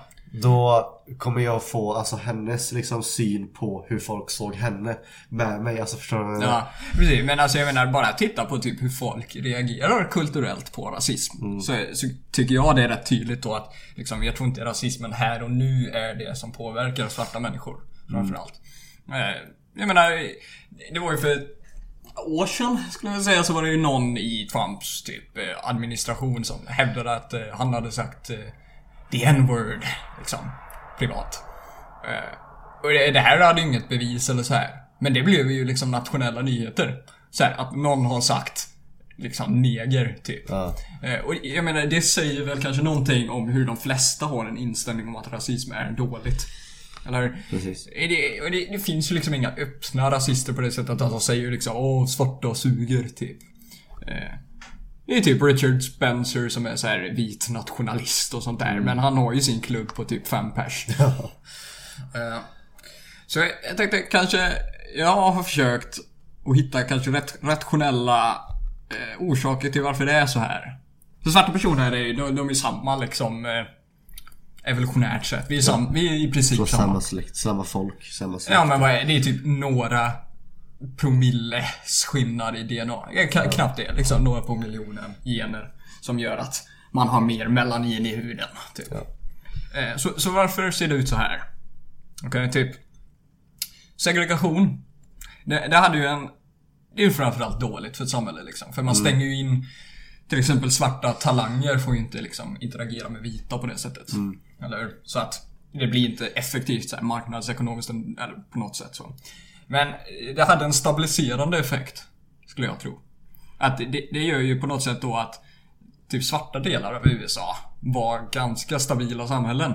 Att en svart advokat, en svart butiksbiträde och en svart knarklangare i princip behövde bo på samma gata. Eh, Det fanns liksom tydlig struktur där. Eh, Så när segregation tog slut, vad, vad, vad tror man händer då? De vita, svarta, eller de svarta, de utbildade och rika svarta människorna. Eller som var mest, mest rika. Så. De drog ju direkt från Precis. de här stadsdelarna. Kvar har du ju de fattigare människorna och kriminella. Som och, inte har möjlighet att flytta. Kriminella och folk i utanförskap och fattigare. Eh, så nu har du någon sorts vakuum typ i det här samhället Precis. som är kvar. Det, Det, finns, det är det, liksom finns ingen, inget... det finns ingen ekonomisk mångfald där liksom, utan... Nej precis, det finns ingen, det är ingen större liksom eh, samhällshållning. Entreprenörer har flyttat därifrån, det finns ingen möjlighet kvar. Eh, så brottslighet i de här delarna liksom främs ju på ett sätt. Och det är också... Och det kan man säga, gängkultur och eh, crack såldes ju i stora mängder. Och, det, ja precis, och det är också här att Bor man i ett område där man ser ma- massa olika människor från olika samhällsgrupper och liksom olika visioner. Alltså då får man se lite olika, lite allt möjligt. ja, Ja men alltså, jag bor granne, alltså vi har det dåligt liksom. Ja. Men jag bor granne med en advokat liksom. ja, Det är som, för barn är det ju liksom att de ser den advokaten säger, men det kanske kan bli jag om ja precis. Det, har en till." stark kulturell effekt. Precis, så det blir så här, ja men då kanske inte jag behöver vara som de här killarna där nere och liksom sniffa lim och skit. Jag kanske kan bli som den här advokaten. Mm. Men när, när de advokaterna och entreprenörerna och affärsmännen flyttade därifrån Ja. och de fattigaste liksom fanns kvar i det här, de här områdena. Då ser ju de, nästa generation Ja, det enda man ser runt omkring sig är ju folk i utanförskap. precis. Eh, då tänker de så här, det, här, så här det, det är så här det ska vara. Och då är det också lättare att fångas med. För då är det ju, det var, då var det så här 50-50 så här. Det kanske advokaten bara Ey grabben, eh, fan häng, hjälp mig med att slänga soporna typ. Ja. Men, eller att en, en crackhead Eller "Nej, typ såhär, jag vet du vad, tjack", gå liksom. och praktisera på mitt kontor. Typ Precis. såhär, hämta kaffe och skriva ett papper. Man kan, du vet det fanns liksom ett samhälle och man kunde se liksom förebilder i sin Precis. närhet. Typ. Eh, jag menar, det som gjorde stora ekonomiska skillnader och sånt, det är principen om redlining. Vet du vad det är? Nej, det är typ att man inte fick ge ut huslån och skit till svarta. Det gjorde ju oerhört stora... Ja, du, du stoppar ju den fria marknaden från att operera och då blir ju allt sämre oftast. Eh, Okej, så, så, så nu lämnar ju de här välutbildade entreprenörerna, superarbetarna, så här läkare och advokater och sånt där. De lämnar ju. Kvar har man liksom folk i utanförskap och kriminella. Så, så då kan man ju säga att liksom, kriminell kultur liksom främjas i de här områdena. Och liksom vad uppföljs av det här då, typ några år senare? Fattigdom. Nej, nej. Våld. Nej, nej. Någonting som gjorde extremt stor skillnad, tror jag. I min analys. Att the war on drugs. Ja. Typ de mest extrema droglagarna i världshistorien i princip. Att så här, du kan röka eh, marijuana och sen hamna i fängelse i typ 50 år. ja. Det här är liksom inget bra sätt att stabilisera ett samhälle som har mycket dödlighet, eller mycket kriminalitet. Och jag tror under crack-epidemin så var det ju en ganska känd siffra. Jag såg ett TED-talk om det här. Att eh, dödligheten för unga svarta män, Mm. så här, bara så här, som tog i mord, det var 1%. Det är jävligt mycket va? För om man bara sätter det i lite kontext va. Dödligheten var lägre i Irak för amerikanska soldater. Alltså under aktivt krig så dog det färre procentuellt soldater i Irak. Än- Så, så de här kriminella, alltså de här utanförskapsområdena, vad ska jag säga, i USA. Och dödligare. Ja, det var värre än en aktiv krigszon. Eh, Och jag menar, det är ingen slump alltså att the war on drugs skapar sådana incitament. Vi har snackat om droger och sån här politik. Va? Offerlösa brott och... Precis. Det här gör ju så att liksom folk som är med i gäng och är kriminella, de är i princip utanför samhället för evigt. Mm. För då, jag menar, om du har varit i fängelse i 25 år, jag tror inte du liksom kommer tillbaka och bara jippi, nu ska jag få ett jobb liksom. Nej, precis. Utan man, man hamnar tillbaks i gängkulturen. Man har sina vän, vänner och man har, man har ju den livsstilen och det är jävligt svårt att komma ur den när man har varit där sen barnsben liksom. Och det, det är lite sån här självförstärkande effekt va? Om du liksom... Det blir verkligen vi mot dem känsla också. Ja, alltså brottsligheten bland svarta ökade ju. Och liksom när, när det ökar så vill ju fler vara med i gängkulturen liksom. För det, det var typ sättet man överlevde där. Så, så, så ju fler som går med, ju fler vill gå med. Och då blir brottsligheten högre och då blir fler utanför och då vill fler... Liksom för, för det är kanske den enda möjligheten man hade liksom, att sälja crack typ. Mm. Eh, Och det, det här tror jag till stor del har skapat Framförallt en väldigt eh, toxic kultur i många områden. I typ Chicago och Detroit och så vidare. Vad ska jag säga? Black inner city parts. Som framförallt liksom eh, framstår som väldigt kriminella utanförskapsområden i USA. Eh, och och det, det syns ju i statistik va? att typ svarta begår ju ungefär hälften av alla mord. Men de utgör 13% av befolkningen. Och hälften av alla rån.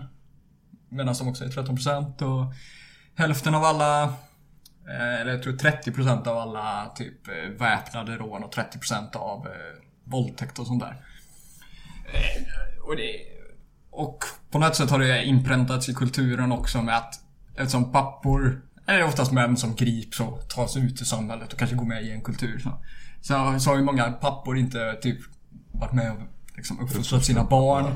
Och Jag menar, det är en ganska extrem siffra ändå. Att en majoritet av svarta kids växer upp utan en pappa i hemmet. Ja. Eh, Det är lite otänkbart tror jag för många svenskar som hör det. Att hälften inte har en pappa i hemmet. Och, och det bidrar ju i sig då till den här statistiken om att hur mycket tillgångar en familj har.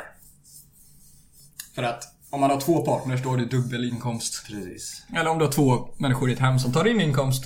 Då kan du lägga ena halvan på försörja och andra halvan på spara. College, Precis. utbildning, eh, fina grejer och sånt där. Fina grejer. Ja men du är stuff. Folk älskar stuff. Ja. Eh, och nu, nu lever ju folk med det här arvet va. Och eh, jag tror många gör kanske en felanalys av att det här är inte ett arv utan det här är aktivt. Utan, alltså krafter utanför min påverkan som gör det här. Alltså det är institu- institutionaliserad rasism och det är, det är vita människor som trycker ner mig typ. Men nu tror jag att problemet är mer kulturellt som är skapat av arvet av rasism eh, än vad det är eh, faktiskt, faktisk policy. Ja. Alltså det, det finns inte segregation och det, och det finns faktiskt policy som aktivt finansiellt hjälper svarta. Som eh, välfärd och affirmative action. Och, så det tror jag. Men jag tror att om man gör liksom bättre lagar så kommer man nog se liksom hur brottslighet ganska snabbt tas bort. För det, det är nog väldigt lite som faktiskt håller tillbaka svarta i USA. Eh, Och vi tittar ju på ett screenshot hela tiden. Va? Vi ser ju inte liksom en utveckling som pågår utan vi kan bara se det som händer nu typ. Eh, men om ja, fucking 20 år liksom. Om man tar rätt steg och kanske inte du vet slänger missbrukare i fängelse för att det liksom är inhumant. Då kan man nog se en ganska redig utveckling i det här. Men jag tänker också så här, alltså nästa generation, alltså för, för vad som kommer att hända i framtiden är ju väldigt mycket baserat på barn. Ja. Alltså hur de, vad de ser, vad de upplever, hur de liksom är omringade av liksom. Och det, alltså det, jag tror nästan att det kan bli bättre kring det här med att med den, den Ja. vad ska man säga, strukturella alltså här, den- strukturen i de här områdena kan ju komma tillbaka till vad som var förr som Nej, nej, alltså allting var sämre förr. Nej, men Don't alltså get det me här- wrong alltså. alltså det, det är inte att någonting nödvändigtvis har blivit sämre. Nej Eller- men nu, nu snackar jag om det här med att det fanns en större mångfald av yrken och inkomster i ett speciellt område. Mm. Jag, jag tror att det kan faktiskt kan, kan komma tillbaka. Mm. Med tanke på att alltså, alltså, det, det baseras egentligen på att, ja men det, det som vi sa innan, att det fanns ett område eh, där bodde en massa olika människor. Pundare, kriminella, knarkare, advokater, entreprenörer, affärsmän, läkare. alla alla Jada, jada, började vara på samma område. Precis. Och när de mest alltså, framgångsrika Ja. och förmögna försvann därifrån Mm. så fanns ju bara de kriminella. Då såg ju barnen bara de kriminella. Ja. Och de kunde inte se någon annan. De kunde Ja, inte det- se en annan verklighet. Och det kan man ju se Men, men nu eh, med dagens alltså, teknik, Mm. tänker jag.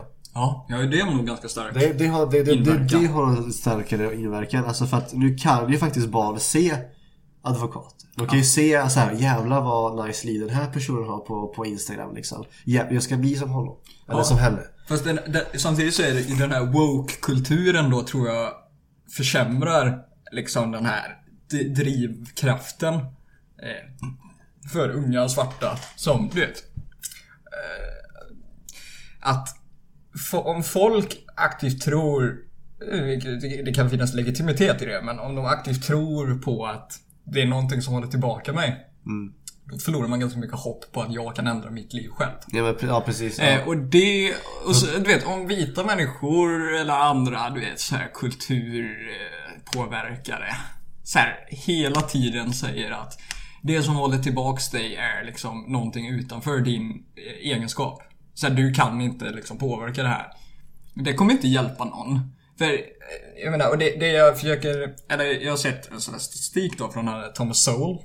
Thomas Sowell ekonom. Han har, han har gjort en ganska intressant studie. Typ att han har jämfört svarta i USA som är födda där med svarta som har flyttat dit. Typ från eh, Karibien eller Afrika. Och andra generationens eh, invandrare av dem tjänar eh, typ 60% mer än en svart i USA som är född där. Och det är liksom andra generationen. Och de kan bo i samma stadsdel. De kan bo i samma stadsdel. Och du vet, vita människor. Eller, det är jävligt svårt för en rasist att se skillnad på någon från Karibien. Alltså, Som, som pratar Ja, alltså, van, alltså, vanlig dialekt som andra svarta där. Och en infödd svart. Det, det går ju inte. Så, så de har ju utsatts för samma sociala press. Men de får olika utkomster. Eh, Och sen så finns det ju lite så här att ja, invandrare är oftast mer entreprenöriella och sånt där. Det påverkar ju. Men eh, ändå, att eh, det är en sån stor skillnad. Och jag menar kineser som flyttar till USA och inte har någonting tjänar ju mer än vita personer. ja. Indier tjänar mer än vita personer. Då, Och de flyttar ju dit vi- utan någonting. De, de har mindre liksom, förmögenhet än svarta Ja. när de kommer dit. Och ändå liksom lyckas mer. Så jag tror det är dåligt att försöka inta, inte intala, för det tyder ju på att det inte finns, men förstärka den här känslan att du kan inte påverka ditt liv. Sluta försök, typ. Ja, ja. ja men precis. Det, det, ja, kulturen är ju väldigt, alltså påverkar ju Jag, väldigt mycket. ja, precis. Jag tror vi Och sen, ofta underminerar hur mycket det kan påverka. ja. Och sen det här med att att de, alltså det, det är deras verklighet, det är så de lever. De ser sina kompisars pappor, farbröder, kusiner, kompisar. Nej men alltså förstår man alltså omgivningen. Man, Ja, leva, ett leva ett kriminellt liv och själva gå in i det. Och sen så Det är klart att då, då kommer de bli och då, känner den här hopplösheten som vi sa innan. Det här att så här, jag kan inte påverka någonting. Det är så här jag är. Det är så här jag har blivit född. Ja. Det är bara att köra. Nu, nu börjar jag göra det här livet. Jag kommer hänga med de här kriminella dudesen och liksom göra sjuka grejer och leva det här livet. För det, det är det enda som är syftet med mitt liv liksom. Eh, och det är ju klart att det, de, alltså de flesta har ju säkert varit med om en, alltså träffat, stött på en person i sitt liv som har varit rasistisk mot honom. Ja, ja det är utan Alltså, direkt tvekan. rasistisk. Alltså ja, utan tvekan har nog alla svarta upplevt rasism. Och, alltså, och det förstärker ju ännu mer den här känslan att så här, alltså jag är körd. men, det, men också Ja, direkt nu- när, någonting dåligt händer så kan man ju få den här känslan att det var rasism. Även om det kanske inte var det. Ja, typ precis. om jag blir stannad i trafiken så, så är det nog ganska om jag har fått hört det här, om jag har hört det här hela mitt liv att här, poliser stannar svarta för ingenting. Och så blir jag stannad i trafiken. Då kanske jag får uppfattningen att det här händer mot mig. För att... Men, men, men det är också en så intressant statistik om man typ frågar så här 80% eller någonting som blir stannade. Så här, var det rättfärdigat att de stannade dig? Så svarar de ja. Alltså så här, ja det var rätt att de stannade mig för jag körde för fort typ. Och då, då måste man också ta det va. Det, det är ingen sån här eh, irrelevant statistik att det är rätt att stanna folk som kör för fort. Man får inte liksom se allting ur ett perspektiv och att jag är förtryckt. Även om det mycket väl kan vara att du är förtryckt på flera sätt. För det finns liksom rasister. Man kommer aldrig få bort varenda rasist. Nej, nej. Nej, det, det är ingen reell policy, men man måste ändå försöka få den här känslan av att jag kan påverka mitt liv. Precis. Och det, är- det är egentligen det enda man kan göra. Det är den det enda egentligen som... Alltså om man ger upp på den delen, då kommer ju ditt liv misslyckas ändå. Så, för du försöker inte. Precis. Eh, sen, man kan ju titta lite på de här typ kulturikonerna som uppstått eh, ur svart kultur. Mm. Något sånt där. Du vet hur, hur man fört fram vissa. Är fucking Takashi 69 Hur fan är han en Förebild. stjärna liksom? Ja. Han, alltså, han, han skryter om brott. Ja. Är det här liksom... Det är inte Martin Luther King direkt. Utan det här är en snubbe som skryter om att ja, jag har fucking sålt knark och jag har skjutit människor typ. Precis. Eh, Han satt ju i fängelse nyligen, han kom ut. Ja. Ja. Ja, bra för honom, antagligen. Eh, Nej, men, ja, precis. Och det är ju det är fram, alltså det visar ju bara på Alltså, ja Det är ju det, han, han så många, många alltså artister och sånt som, som är från den kulturen Sjunger, alltså rappar snarare eh, Mycket om, ja men typ det de ser, det de har varit med om Sin verklighet. Precis, sin verklighet Och jag menar, det är inte helt fel. Jag tror NWA hade ganska stora... Jag tror det var ett mycket större problem för med dåliga poliser som liksom stannar en typ så fort man går ut genom dörren Precis. och så här lägger ner den på marken och visiterar den. För det är fucking fel. Ja. Och jag menar, det är ju inte helt... Det är klart man ska få liksom socialt protestera mot sånt. För jag tycker, det är nog också ett problem att svarta människor blir stannade oftare. Precis När de inte egentligen borde de blivit det. Ehm, så... eh, vad var det jag tänkte nu då? Just det, lite konkreta förslag typ. mm. Vad gör, vad gör man åt det här nu då? Jag, alltså, tror, jag tror, min analys är att de lever med liksom arvet av rasism. mm. Så vad, vad ska vi försöka göra för att... Eller jag, kan- vi kan ju inte göra någonting. Vi bor ju inte där. va? Vad hade man kunnat göra för att motverka sånt här? Och då är det allt liksom. Det är polisvåld, det är arresteringar, det är fucking förmögenhet, inkomst, allt. Ja, men jag tänker främst, alltså först och främst, för det är som sagt det är svårt, väldigt svårt att påverka Alltså politiken och Nej, politiken är ju kanske lättast att påverka. Kultur är ju oerhört svårt. Det tar ju tid. Ja fast hur, Alltså, hur ska hur man många få år tog det inte innan så här, typ ingen rasist bodde i USA? Ja men alltså hur, hur ska man få Alltså politiker att alltså göra Anpassa eller så här, förstår du vad jag Det är menar? ju det vi föreslår nu. Vi hjälper ju dem. Vi är ju policy makers här va. Ja, men jag tror att det är väldigt svårt för politiker Eller jag, tror- jag tror att det är väldigt svårt att få sin personliga rö- röst hörd Ja. När det är en miljon andra som skriker samtidigt Precis, men vi får helt enkelt övertyga bäst om att våra idéer är fucking Ja, så det, det jag tror som alltså mest effektivast egentligen Ja. Är ju att, ja men Ja fast det är också egentligen politik men typ såhär Men om vi tar bara, vi tar, vi tar, vi måste bara eh, ordna det här lite. Om vi tar bara polisvåld och sånt där först. Okej Om vi försöker lösa det här problemet. vi löser det här problemet på 15 minuter. Liksom. Ja det vet jag fan alltså. Nej, men då är det ju sådana här eh, förslag som typ libertarianer har haft väldigt länge va?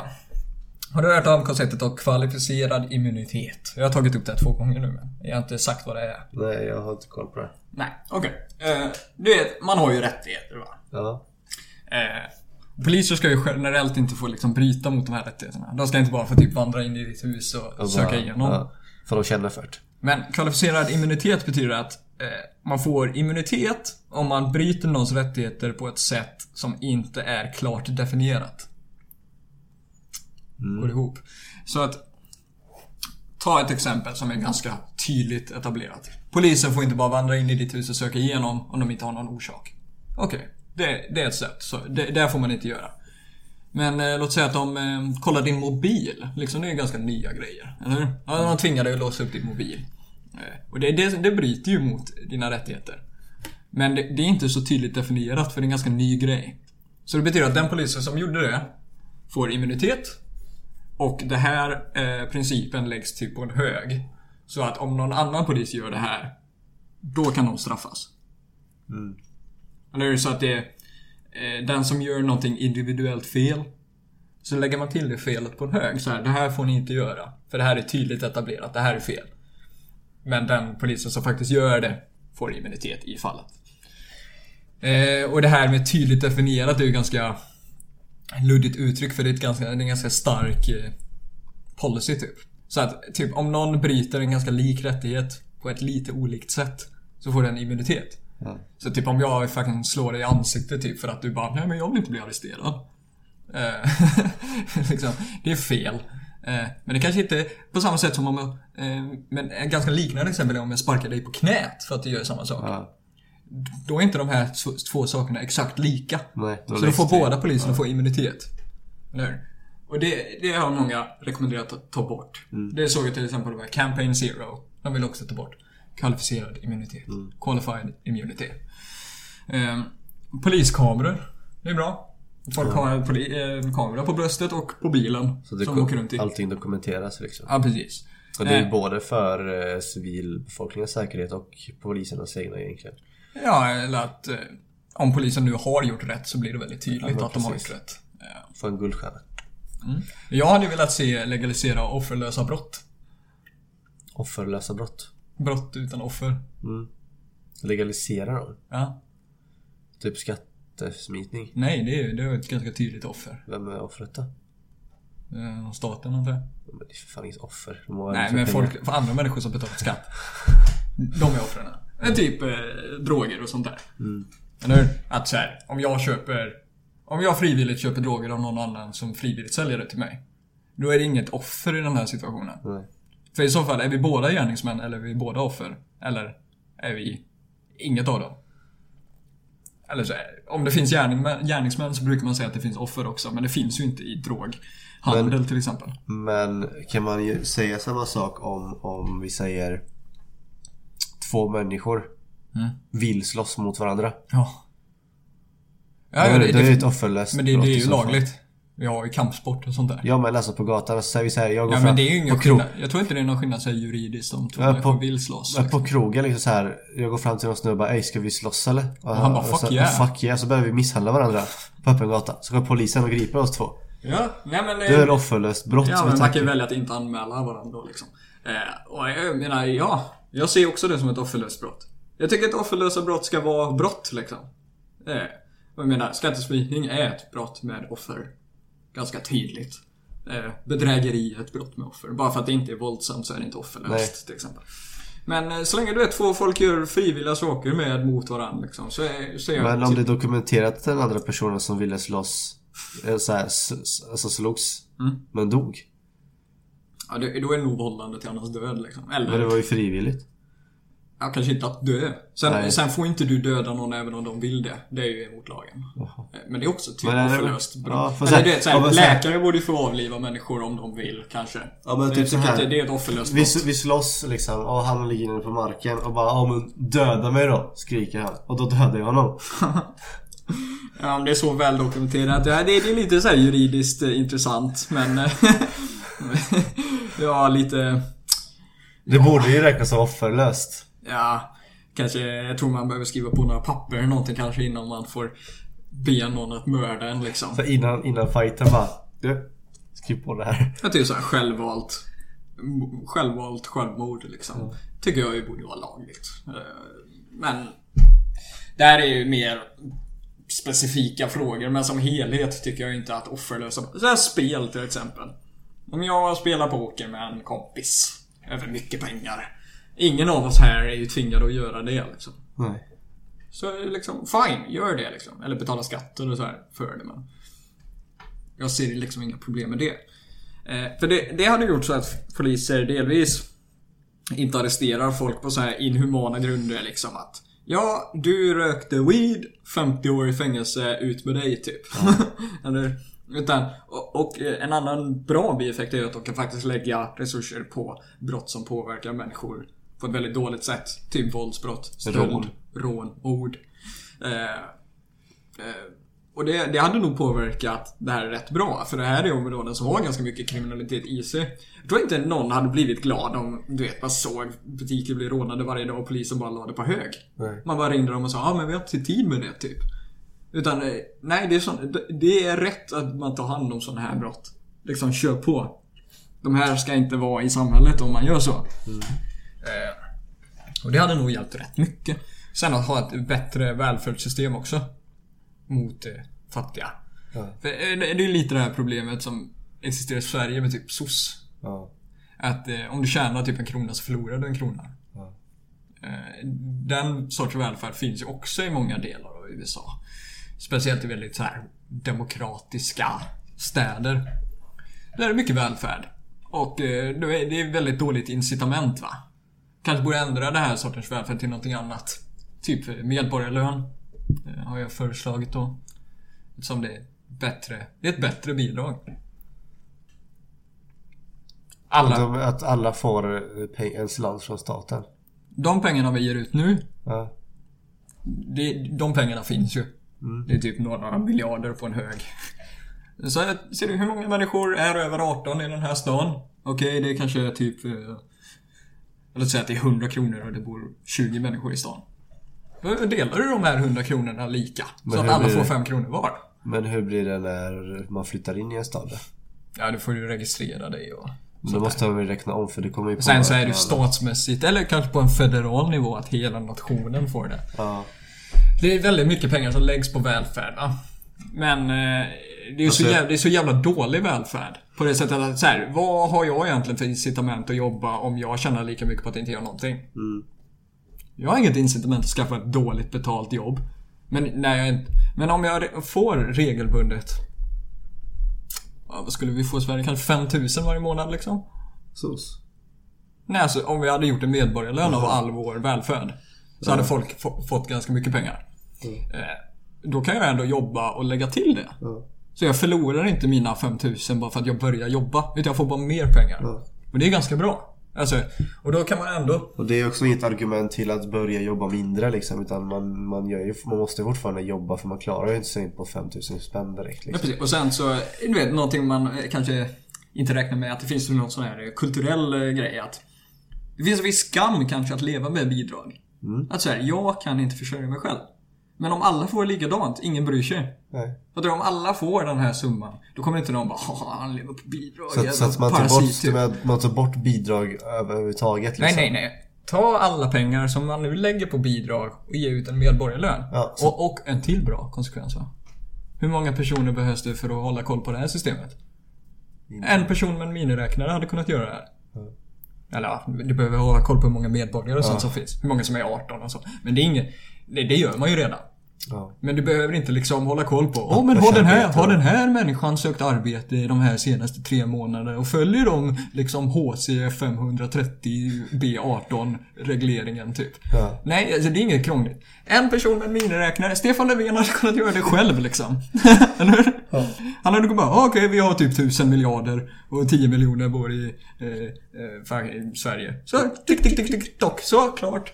Nu, nu har vi välfärd som har väldigt bra motivation för vanliga människor. Sen så är det lite det här med... Men eh, jag tänker alltså för, för att eh, det här sosset som finns idag då liksom. Att man får pengar. Alltså, På en- behoven, man ska säga. Precis, och så får man, alltså behöver, man jobbar inte och så får man en, en, en bra slant man klarar sig på. Tas det bort? Ja, inga sådana bidrag längre i Nej. så fall. Alltså, För då tvingas de människorna som lever på bidrag tvingas ju då att jobba.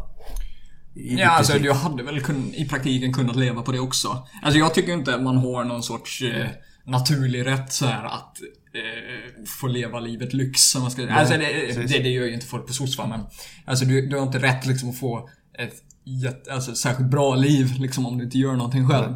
Sen du vet de som är genuint så här kan inte göra, här handikappade och eh, eller ja, mentalt och fysiskt. Som kanske inte kan försörja sig själv. De kanske borde få något specifikt. Och då gör man ju det för dem va. Precis. Men i stort sett. Friska, arbetskapabla människor borde jobba. Det finns liksom inga ursäkter. Eller jag...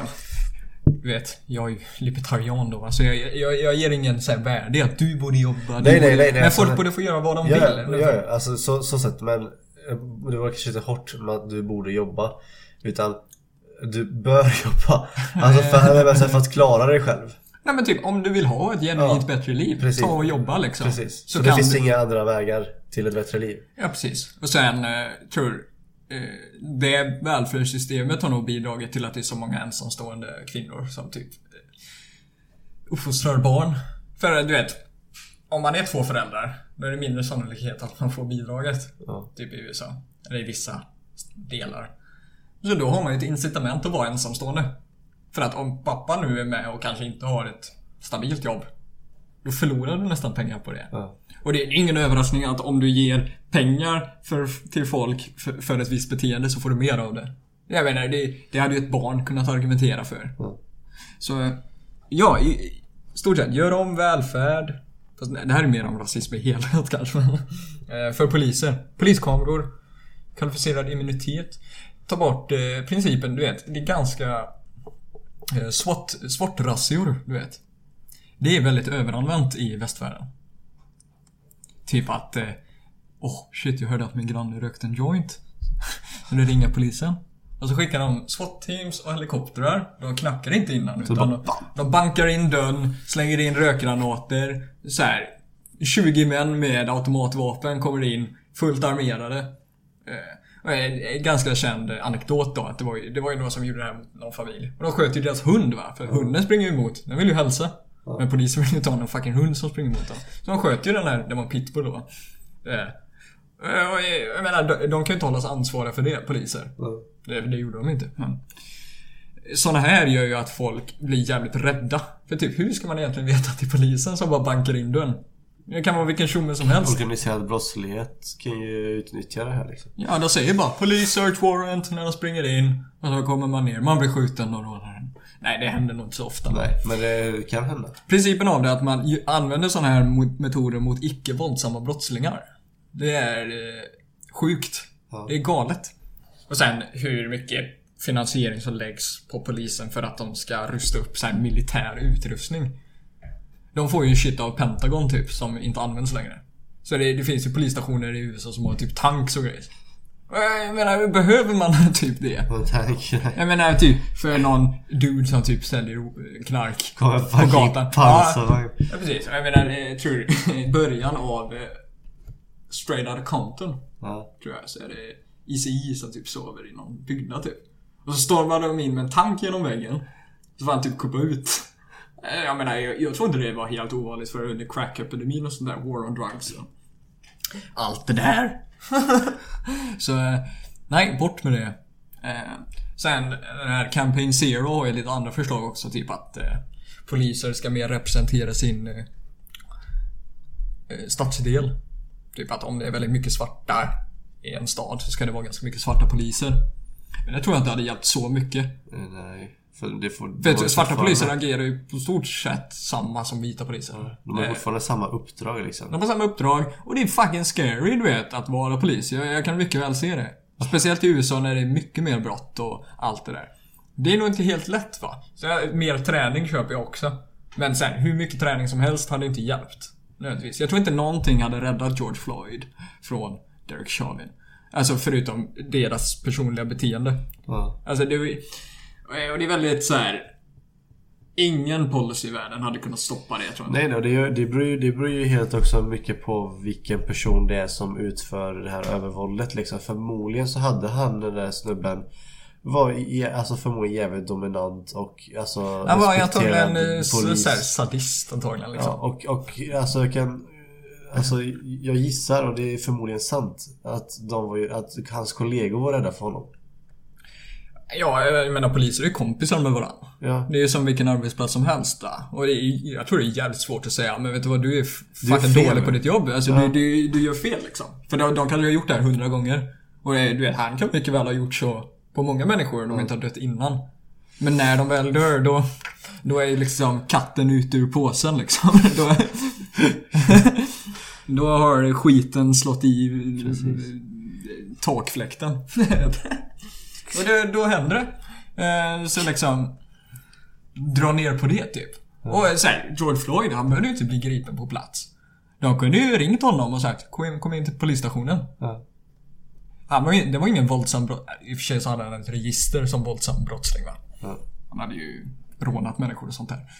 Eh, Men det, det är också irrelevant. Det, det är ett dåligt argument jag har hört. Eller det, jag vet inte om det är ett argument eller bara någonting man säger. Så det är så att George Floyd var ju ingen hjälte direkt liksom. Han var ju en våldsam brottsling typ. Ja. Men jag menar fucking terrorister får ju sin dag i rättegång. Ja. Så, så jag menar, även om han hade liksom, ja kanske inte om han hade mördat människor på öppen gata, men jag menar om man hade gjort någonting riktigt, riktigt illa. Så kan han fortfarande arresteras lugnt och få sin dag i rättegång och i så fall straffas. Jag menar, det är ju det liksom hela vårt samhälle typ vilar Ja, på. ja precis. Alltså, det ska, alltså det är ju en domstol som ska bestämma vad du ska få för straff, inte en enstaka polis. Nej, så, så det var ju absolut fel. Och sen bara få lite proportioner. Jag tror det är viktigt att ha lite perspektiv på saker och ting om just polisskjutningar och sånt där. Typ att jag vet inte exakt hur den här siffran kom till, men att den ledande orsaken till att unga, män, unga svarta män dör i USA är eh, polisdråp. Liksom. För det, det är ungefär 200-300 människor som dör varje år. Det är inte... Alltså, det är inte signifikant nog att rubba ett samhälle. Det är mycket människor va, men det är inte... Det, tar, det kan inte ta ner hela svarta befolkningen med 200-300 människor per år. Dessutom är de flesta faktiskt har, är antingen rättfärdigade eller olyckor händer. Eh, eller att polisen faktiskt döms. Det, det får man inte glömma. Och det, det kan man ju faktiskt se som positivt med George Floyd, att de faktiskt blev dömda. Ja. Eller, de är inte dömda än. De, de blir åtalade och kommer antagligen bli dömda. För det är så fucking obvious att de gjorde fel. Ja. Nu? Lite tillit här va. Jag tycker det är typ fult när Amnesty skriver att nu får USA typ sluta med det här. För det här är dessutom är inte det här ett problem från toppen va. Nej. Det är inte Donald Trump som pekar och säger gå och döda svarta Nej. typ. Utan det är individuella Poliser som- polisstationer eller individuella Poliser. Ja, eller det, det kan ju vara en hel kultur i en polisstation. Ja. Att man är liksom väldigt eh, auktoritär och sånt där. Men eh, det här är på ett visst sätt kulturellt, på ett visst sätt polisträning och sånt där. Men det är inte... Det hjälper, ingen till, det hjälper inte att du skriver så Facebook-post att nu ska vi samlas vid amerikanska ambassaden liksom. Så ska Trump lösa det här från toppen typ. Ja. Ja, alltså det finns lagar man kan passera men det här är inte...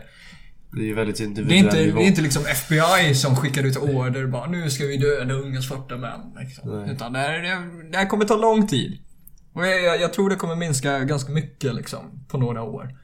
Men jag tror också att så länge den här skillnaden i brott finns kvar så kommer skillnaden i dödlighet från poliser finnas kvar. Mm. Och det är nog inget... eh, Jag vet inte om det är liksom pessimistiskt eller inte va. Men jag tror folk ska ändå förvänta sig att Ja, att bli skjuten av polisen är proportionerligt mot hur mycket brott man begår. I stort sett. Ja. Alltså.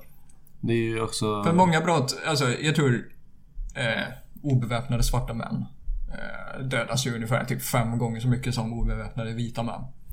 Men obeväpnade, alltså eh, man får ju också titta på brottsstatistiken liksom, att det inte är helt irrelevant att säga då att ja, på vissa fall så begår svarta kanske fem gånger så mycket brott. På Och det- vissa, och det- på vissa brott. Och det väcker ju då fördomar alltså från polisens sida liksom. Sannolikheten att den här personen har ett vapen och kan attackera en liksom är ju mycket större statistiskt sett än... Nej, det tror jag inte. Jag tror alltså dödligheten bland poliser är ganska, det är en ganska cool lugn liksom. Men, nej men alltså, nej, alltså, men- jag snackar om alltså nu det här att alltså, svarta människor blir skjutna trots att de är obeväpnade. Ja. Alltså det, det är säkert så att många poliser eh, alltså, kö, alltså fördomar liksom. Ja, och sen så... Alltså, eh, sanningen Obeväpnad betyder inte ofarlig va? Nej. Typ Michael Brown tog jag upp innan, ett ganska känt fall. Att han, han räckte ju efter polisens vapen i hans bil. Ja. Och det blev så här bråk typ. Och sen eh, blev han skjuten. Eh, så han dog på gatan. Men... Eh, och det, det var ju... Man märkte ju att så här, vittnesmålen från folk runt omkring stämde inte överens med varandra. Vissa sa ja han blev bara skjuten. Han höll upp händerna och blev skjuten typ. Vissa sa nej, utan han räckte ut i vapnet, sprang fram och tillbaks och sen blev skjuten så här. Men den fysiska bevisningen visade ju på att polisen gjorde rätt i stort sett. Han skyddade ju sig själv. Och, poliser har väl också en skyldighet att om personen nu är farlig mot sig själv och andra så måste man ju ta och hantera det på något sätt. Precis. Och jag menar ibland kanske, ibland är det bara den enda lösningen att faktiskt neutralisera personen.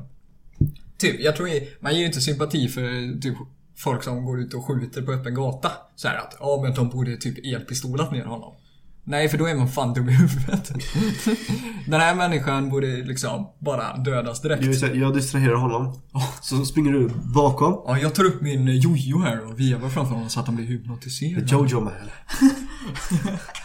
Det där är en bra video. Nej! Ja, men jag tror också att... Va? Så tänkte du avrunda? Nej. Nej. Jag tänkte säga det här att, alltså det här att eh, men folk går ut och protesterar och, och skriker och allt det här. Kommer inte med konkreta förslag. Det- Alltså som du säger att alldeles för många människor tror verkligen att det är så att, alltså det är väldigt konspira- konspiratoriskt tycker jag nästan. Vissa kanske. Att Inte, här inte i det stort här tror jag är. Trump och det här är liksom eh, Hela staten. polis USA. Precis. De har ett mål och det är att döda mörkhyade människor. Mm. Eh, det är i princip Hitler liksom. eh, liksom alltså, alltså att folk tror att det enda sättet att liksom stoppa det är att tar vi bort Trump så att vi får en ny president så kommer ställa till rätta och säga nej så här får ni inte göra och liksom alla poliser i hela USA och alla stationer kommer lyssna på den här Ja, vi lägger personen. lägger ner dem och så får folk liksom lösa det på något sånt där anarkokapitalistiskt sätt liksom. Det blir sån här eh, eh, statsordning liksom. Precis, det är så jävla mycket som spelar roll och för att eh, ändra Ändra det här eh, beteendet liksom. Ändra den här, Det kommer ta lång tid. det kommer ta lång tid och det kommer krävas mycket åtgärder och alla de här åtgärderna tillsammans kommer ju till slut göra så att det blir bättre. Ja, precis. Och när det är typ enstaka. kultur och tradition så kan man inte bara låt oss ändra det här på typ sex månader. Precis. Det händer inte. Eh, och sen då... Och nu säger jag inte att det är dåligt att protestera. Alltså, Nej, för det antagligen. kanske- Du är antagligen, alltså, du är nog ganska välviljad om du protesterar. Med stor sannolikhet. Du, du bryr dig nog om människor Precis, va? precis. Alltså det är bra att man visar, alltså man, man, man får den här eh, Att man får, att man lyfter upp det här ämnet. För det är ju viktigt att liksom lyfta upp det och prata om det liksom och vilja se en förändring. Så sett. Men jag tror inte man ska eh, vara för optimistisk typ. Eh, Ja, man måste ha lite perspektiv. Alltså, det, du, man kan ju aldrig säga att nu är dagen då den sista människan har blivit mördad. Precis, Typ. För att det, på ett stort sätt så beror det på hur faktiskt individer agerar och du har ingen kontroll över Precis. det. Alltså det hade inte spelat någon roll vad typ Norge hade gjort mot vapensäkerhet och någonting. För Breivik hade gjort det han gjorde ändå. Precis. Alltså för han, han lyckades ju, obviously. Och det, det fanns ingenting som kunde stoppa det för att världen Inga lagar. för att inga- världen är mer kaotisk än man tror. Och sen, eh, jag tror en liten intressant eh, aspekt av det också att Dagens problem är typ mycket svårare än förr. Så när sådana rörelser kommer kring så är det väldigt svårt kanske för människor som inte är liksom political junkies att eh, faktiskt greppa och göra någonting konkret av det. Det är när Martin Luther King protesterade. Segregation är en ganska lätt grej att fatta. Alltså det är så här, ja det är inte så jävla kul när typ staten tvingar svarta och vita att liksom hålla sig borta från varandra. Det är ett jävligt lätt koncept att förstå. Men när man typ snackar om eh, som metoo, det blev ju en stor rörelse. Men vad hände av metoo? Det hände ingenting. Nej. Eller det, det enda som hände var typ mediadrev mot några individuella personer. Vilket är positivt kanske i det stora hela men vad hände på politiskt plan? Ingenting. För att de här problemen är mycket svårare att grappa runt. Så här, hur får man det här att ändras? Och hur, hur kan man påverka typ tox, toxic masculinity på ett bra, konkret sätt? Det, det är jävligt svåra grejer faktiskt... Eller man måste dyka sig ner och Ja. lägga ner mycket tid Och på det det är här. väldigt individuellt. Alltså så här, jag tror verkligen inte sådana förändringar kan ske. Alltså nu i alla fall. Dagens samhälle vi lever i kan det inte ske politiskt. Förr kunde det, alltså när man gav alltså, kvinnor rösträtt och allt det här liksom, alltså, För då var det verkligen på politisk plan. Ja, att det- så här, det såg olika ut. Ja. Men idag tror jag det är jävligt svårt att förändra för att det, alltså, vi har, alltså svensk lag är ju lika. Det finns ingenting som gör så här att, ja, men, det här, jo den här lagen gör att kvinnor påverkas liksom, sämre. Utan det är ju i så fall att, som du säger, att man måste dyka ner individuellt och liksom så här ändra ett visst beteende hos eh, vissa människor. Ja, precis. Och kultur kommer du typ aldrig kunna sätta en lag för. Nej. Alltså du kan, du kan inte stort sett påverka hur folk tänker.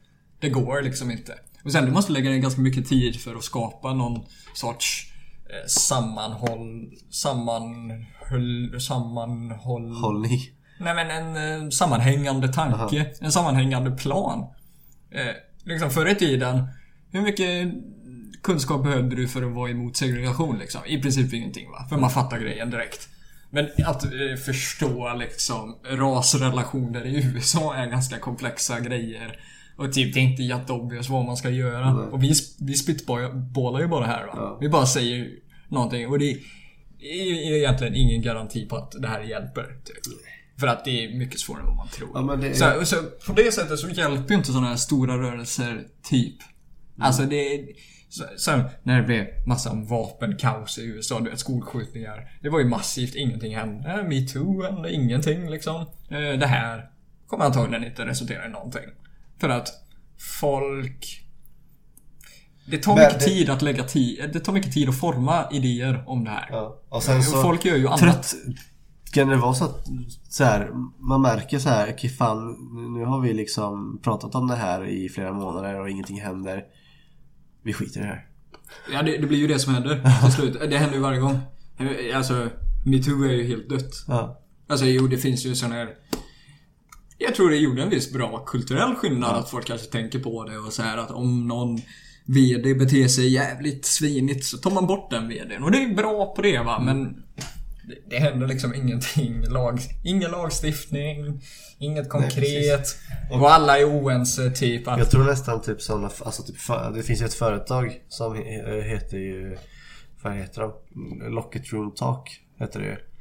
Ja, i locker room talk. Ja. Det, sådana påverkar ju för fan mer än en lagstiftning skulle kunna göra, tror jag. Eh, Ja, alltså det här med typ sexuella trakasserier och sånt. Det kommer ta lång tid innan det Ja, men alltså, att, att, att, alltså utbildning liksom. Att så här, ja men nu, tar vi eh, en, en fotbollsförening där det, liksom, det är liksom grabbar i tioårsåldern liksom. Och så visar vi hur det ser ut idag. Ja. Hur det såg ut och hur man ska bete sig som, som individ mot andra liksom. Ja, alltså typ att uppfostra sin son på Precis. ett positivt sätt gör ju större skillnad än att bara säga jag är emot sexuella trakasserier. Precis. Att du, att du lär din son att behandla kvinnor rätt och lära sig gränser.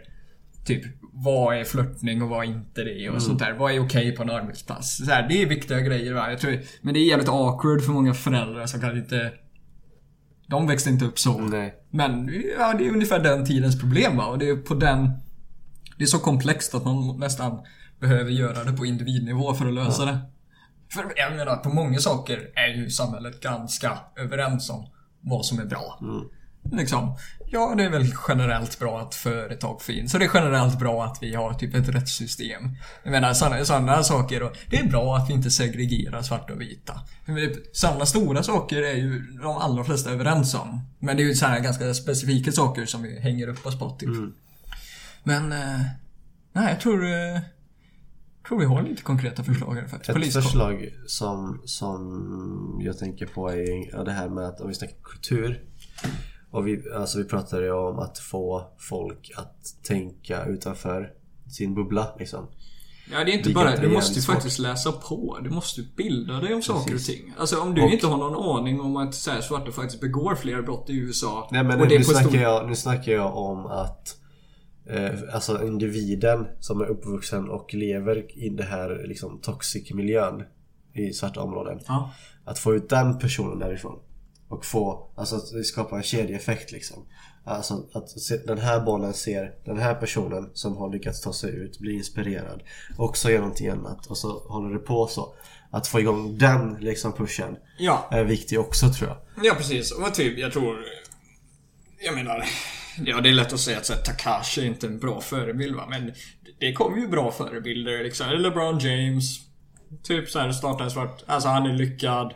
Precis. Han har gjort så här eh, välgörenhet och grejer. Så, men det är en positiv förebild. Jag tror ingen så... För många sportstjärnor. Ja. Eh, typ eh, politiker på många plan. Alltså även om man inte håller med så är väl eh, Obama ganska positiv för svarta kids. Och, eller för alla liksom. Och eh. Ben Carson liksom som eh, verkade lite knasig men han var ju hjärnkirurg liksom. Men nej, jag tror är sådana grejer så här.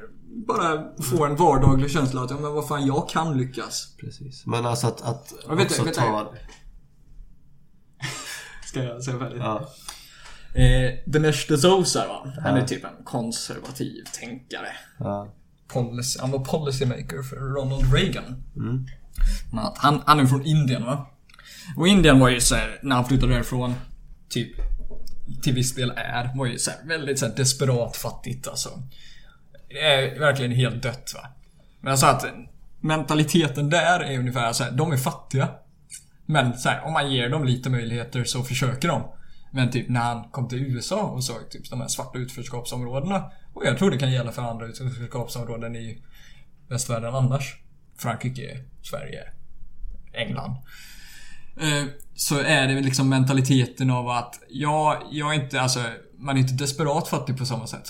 Men man växer upp i en mil- miljö där inget hopp finns. Så här, eh, det är ju kanske det vi lite pratat om men jag tyckte det var intressant att höra det från någon som är från Indien liksom. Att så här, den mentaliteten existerar inte nödvändigtvis för att man är fattig och saknar möjlighet. Nej. Utan man kan skapa en hälsosam kultur kring det. Vad tänkte du säga? Ja, men det här att eh, ta det här eh, den här inspiration, stora inspirationskällan liksom och eh, låta folket liksom komma närmare det. Typ Fast det, det, är nog, det är nog lite saker som händer varje dag fast man typ inte märker av. Alltså att, ja alltså, det, är inte, ett är exempel. det är inte färre typ s- bra svarta allmän, i allmänhet. Alltså, eller du vet såhär i allmän sfär. Fattar du? Man ser bra människor. Om man ser bra människor på TV. Regissörer, Jo, svarta alltså, jag tänker skådespelare. Jag tror det är för att det skapar en bra kulturell känsla typ. Jag tänker typ alltså med möjligheter och så. Alltså, vi säger i Sverige. Eh, då finns det ju flera företag. Eh, bland annat typ som jag, man har själv varit i kontakt med Drivhuset. Som alltså ger gratis rådgivning till unga entreprenörer. Som funderar eller har eller vill starta företag. Liksom. Fast det är ju skattefinansierat då så det tycker inte jag om.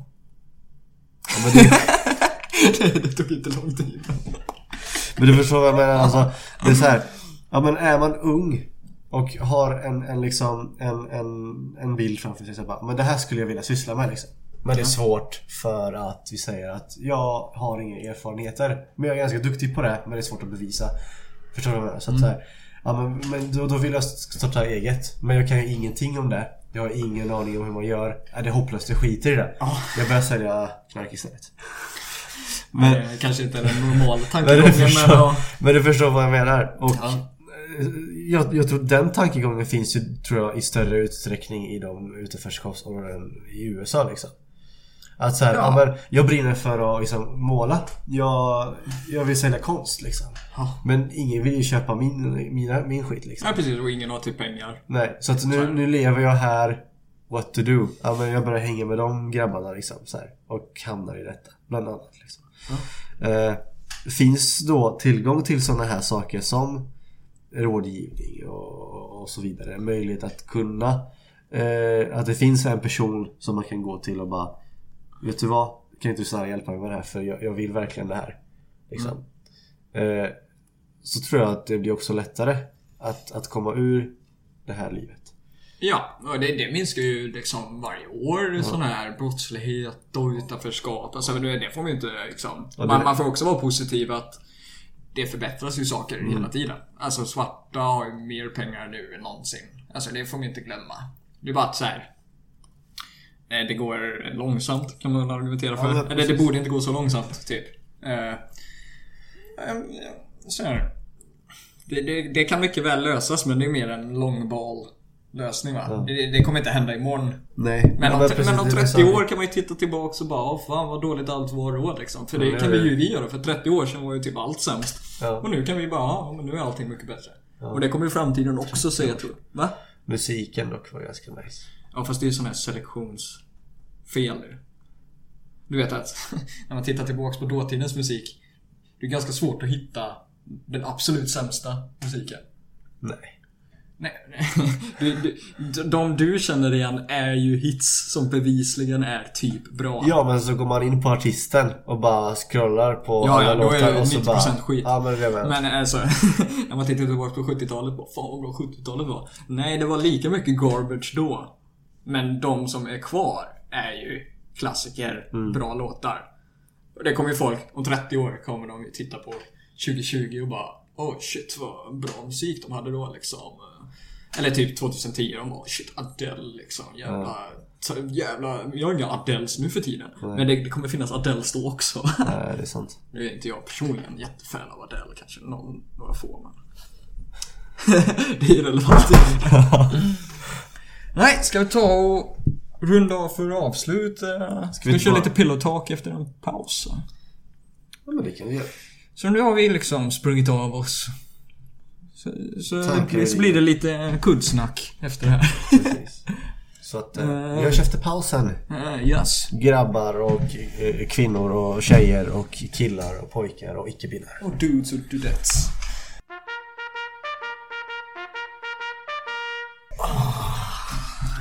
Tjenare älsklingar. The boys are back in town. Nej, det här är lite omrundning va? Ja. Det är lite kuddsnack med bottenskrap. Jag kan säga, jag håller om stor sked, Oskar liten sked.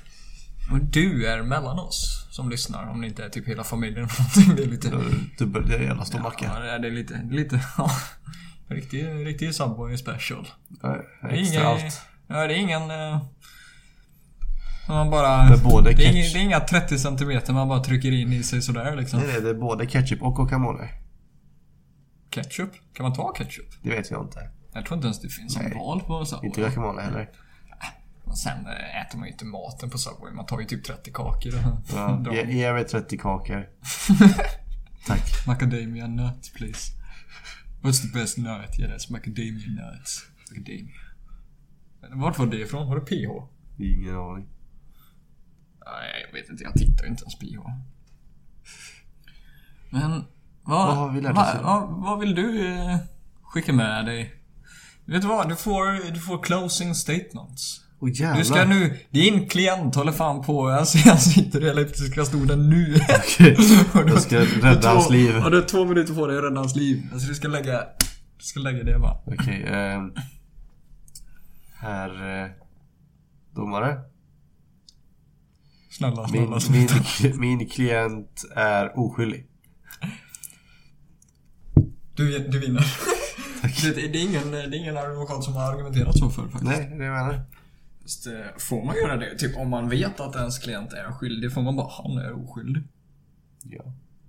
Jag tror inte man får det. Får man inte det? Man, man, man får ju argumentera annat då liksom. Nej, eller de har- får ju, de får själva, eller det är olagligt att säga att men det är olagligt att ljuga för detta men en, ens advokat får inte medvetet. Är så här, man kan säga så här, kan, han säga, kan en advokat säga en lögn som vet är, alltså, Är en lögn.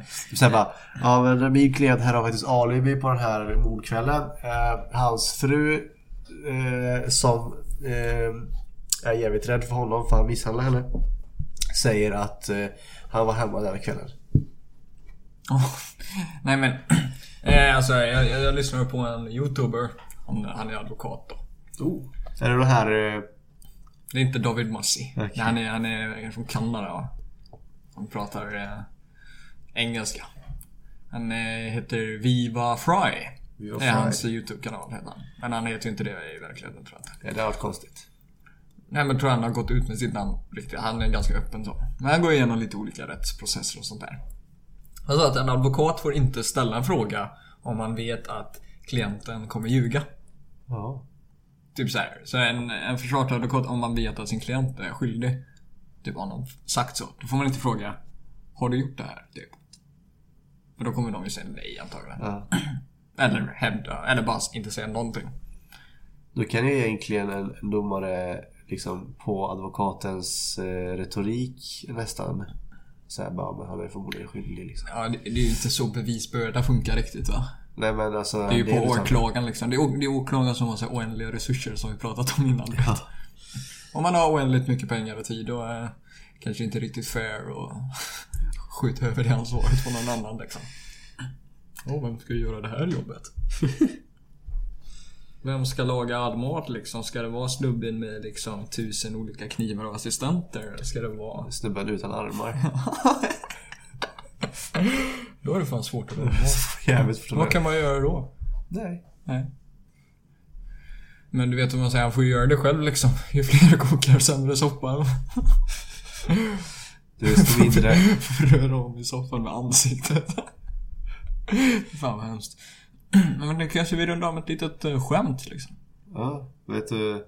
Det var, det var en För vi skiter i den där aspekten av att din, din klient är ju avrättad liksom. Okej, ja, det är för sent. Då tar jag ett skämt till domare istället. Nu, ja precis, din, din klient håller på att friteras där borta så du, du kan du säga någonting kul. Så domaren säger liksom så här till mig då att eh, eh, Herr advokat, säg ett skämt innan vi liksom klubbar det här liksom. Ja, han är död, eller? Ja, innan vi kan gå hem. Nej, nej, kan gå hem. Han är färdigfriterad. Alltså det är inte så kul att se någon bli helt jävla stekt. Nej, Så här, liksom, advokaten säger ett skämt och säger ja absolut. Det var, det var, det var, det var en, eh, en mamma som körde en bil va? Med, med sin dotter. Och så rätt från ingenstans så flyger en fet jävla dildo in i rutan va. Och båda blir så här liksom får lite panik. Så då säger, då, då, då, då frågar dottern till sin mamma va, Men mamma, vad, vad var det där som flög in i rutan? Och då svarar mamma, ja du, min dotter min. Det var en stor jävla kuk. Ja, just det. Det har varit lite ditt paradskämt. Kanske inte riktigt den här versionen va, men... Jag vet, det är en, par, det är en poverty pooper till alla de som vet det här skämtet och så säger det där. För det, det, det är ganska stort, det är ganska känt skämt va? Ja. Och då, han- alltså, ganska tidigt, de som kan det här skämtet, är punchlinen. Tidigt snappar upp så här bara, jaha, det är det här skämtet. Så då försöker de dra den innan man är klar. Ja. Och då överraskar man dem med det här. Ja, precis. Det är lite för de här intellektuella komi... Ko, ko, komikerna heter det. Komedierna tänkte jag säga, men det är ju filmer. Nej, det är liksom. filmer. så det, det var mitt skämt. Eh, Till er. domare. Ja, eh, ja men eh, jag, jag dömer det. Du, du är skyldig till komedi. Tack. Så... eh, Men jag kommer inte hamna som den här snubben. Nej, nej, nej. Du blir grillad eh, På Berns. bild, bildigt. Du, ja. Ja, jag gillar på, Rostad. På Berns. ja. Vad vad hände med det programmet? Är det borta? Jag saknar det. Alltså, jag, jag tittade aldrig på TV. Nej, nej, utan för vi var ju Men vi var- för, ja. för, för, unga för att uppskatta det där och då. Ja precis, det är inte att man bara "Ha, det är så jävla sant om eh, den här snubben jag aldrig sett innan. Da da du du. Men då uppskattar man ju det liksom. Alltså, hade det varit Vilken var den bästa roasten på Roast på Bench? eh, när, när, när Felix Herngren rostade Babben. Ja. Babben. Hur, känns det att vara fast i en manskropp? Babben. Babben.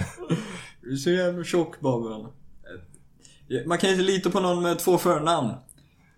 Babben. Babben.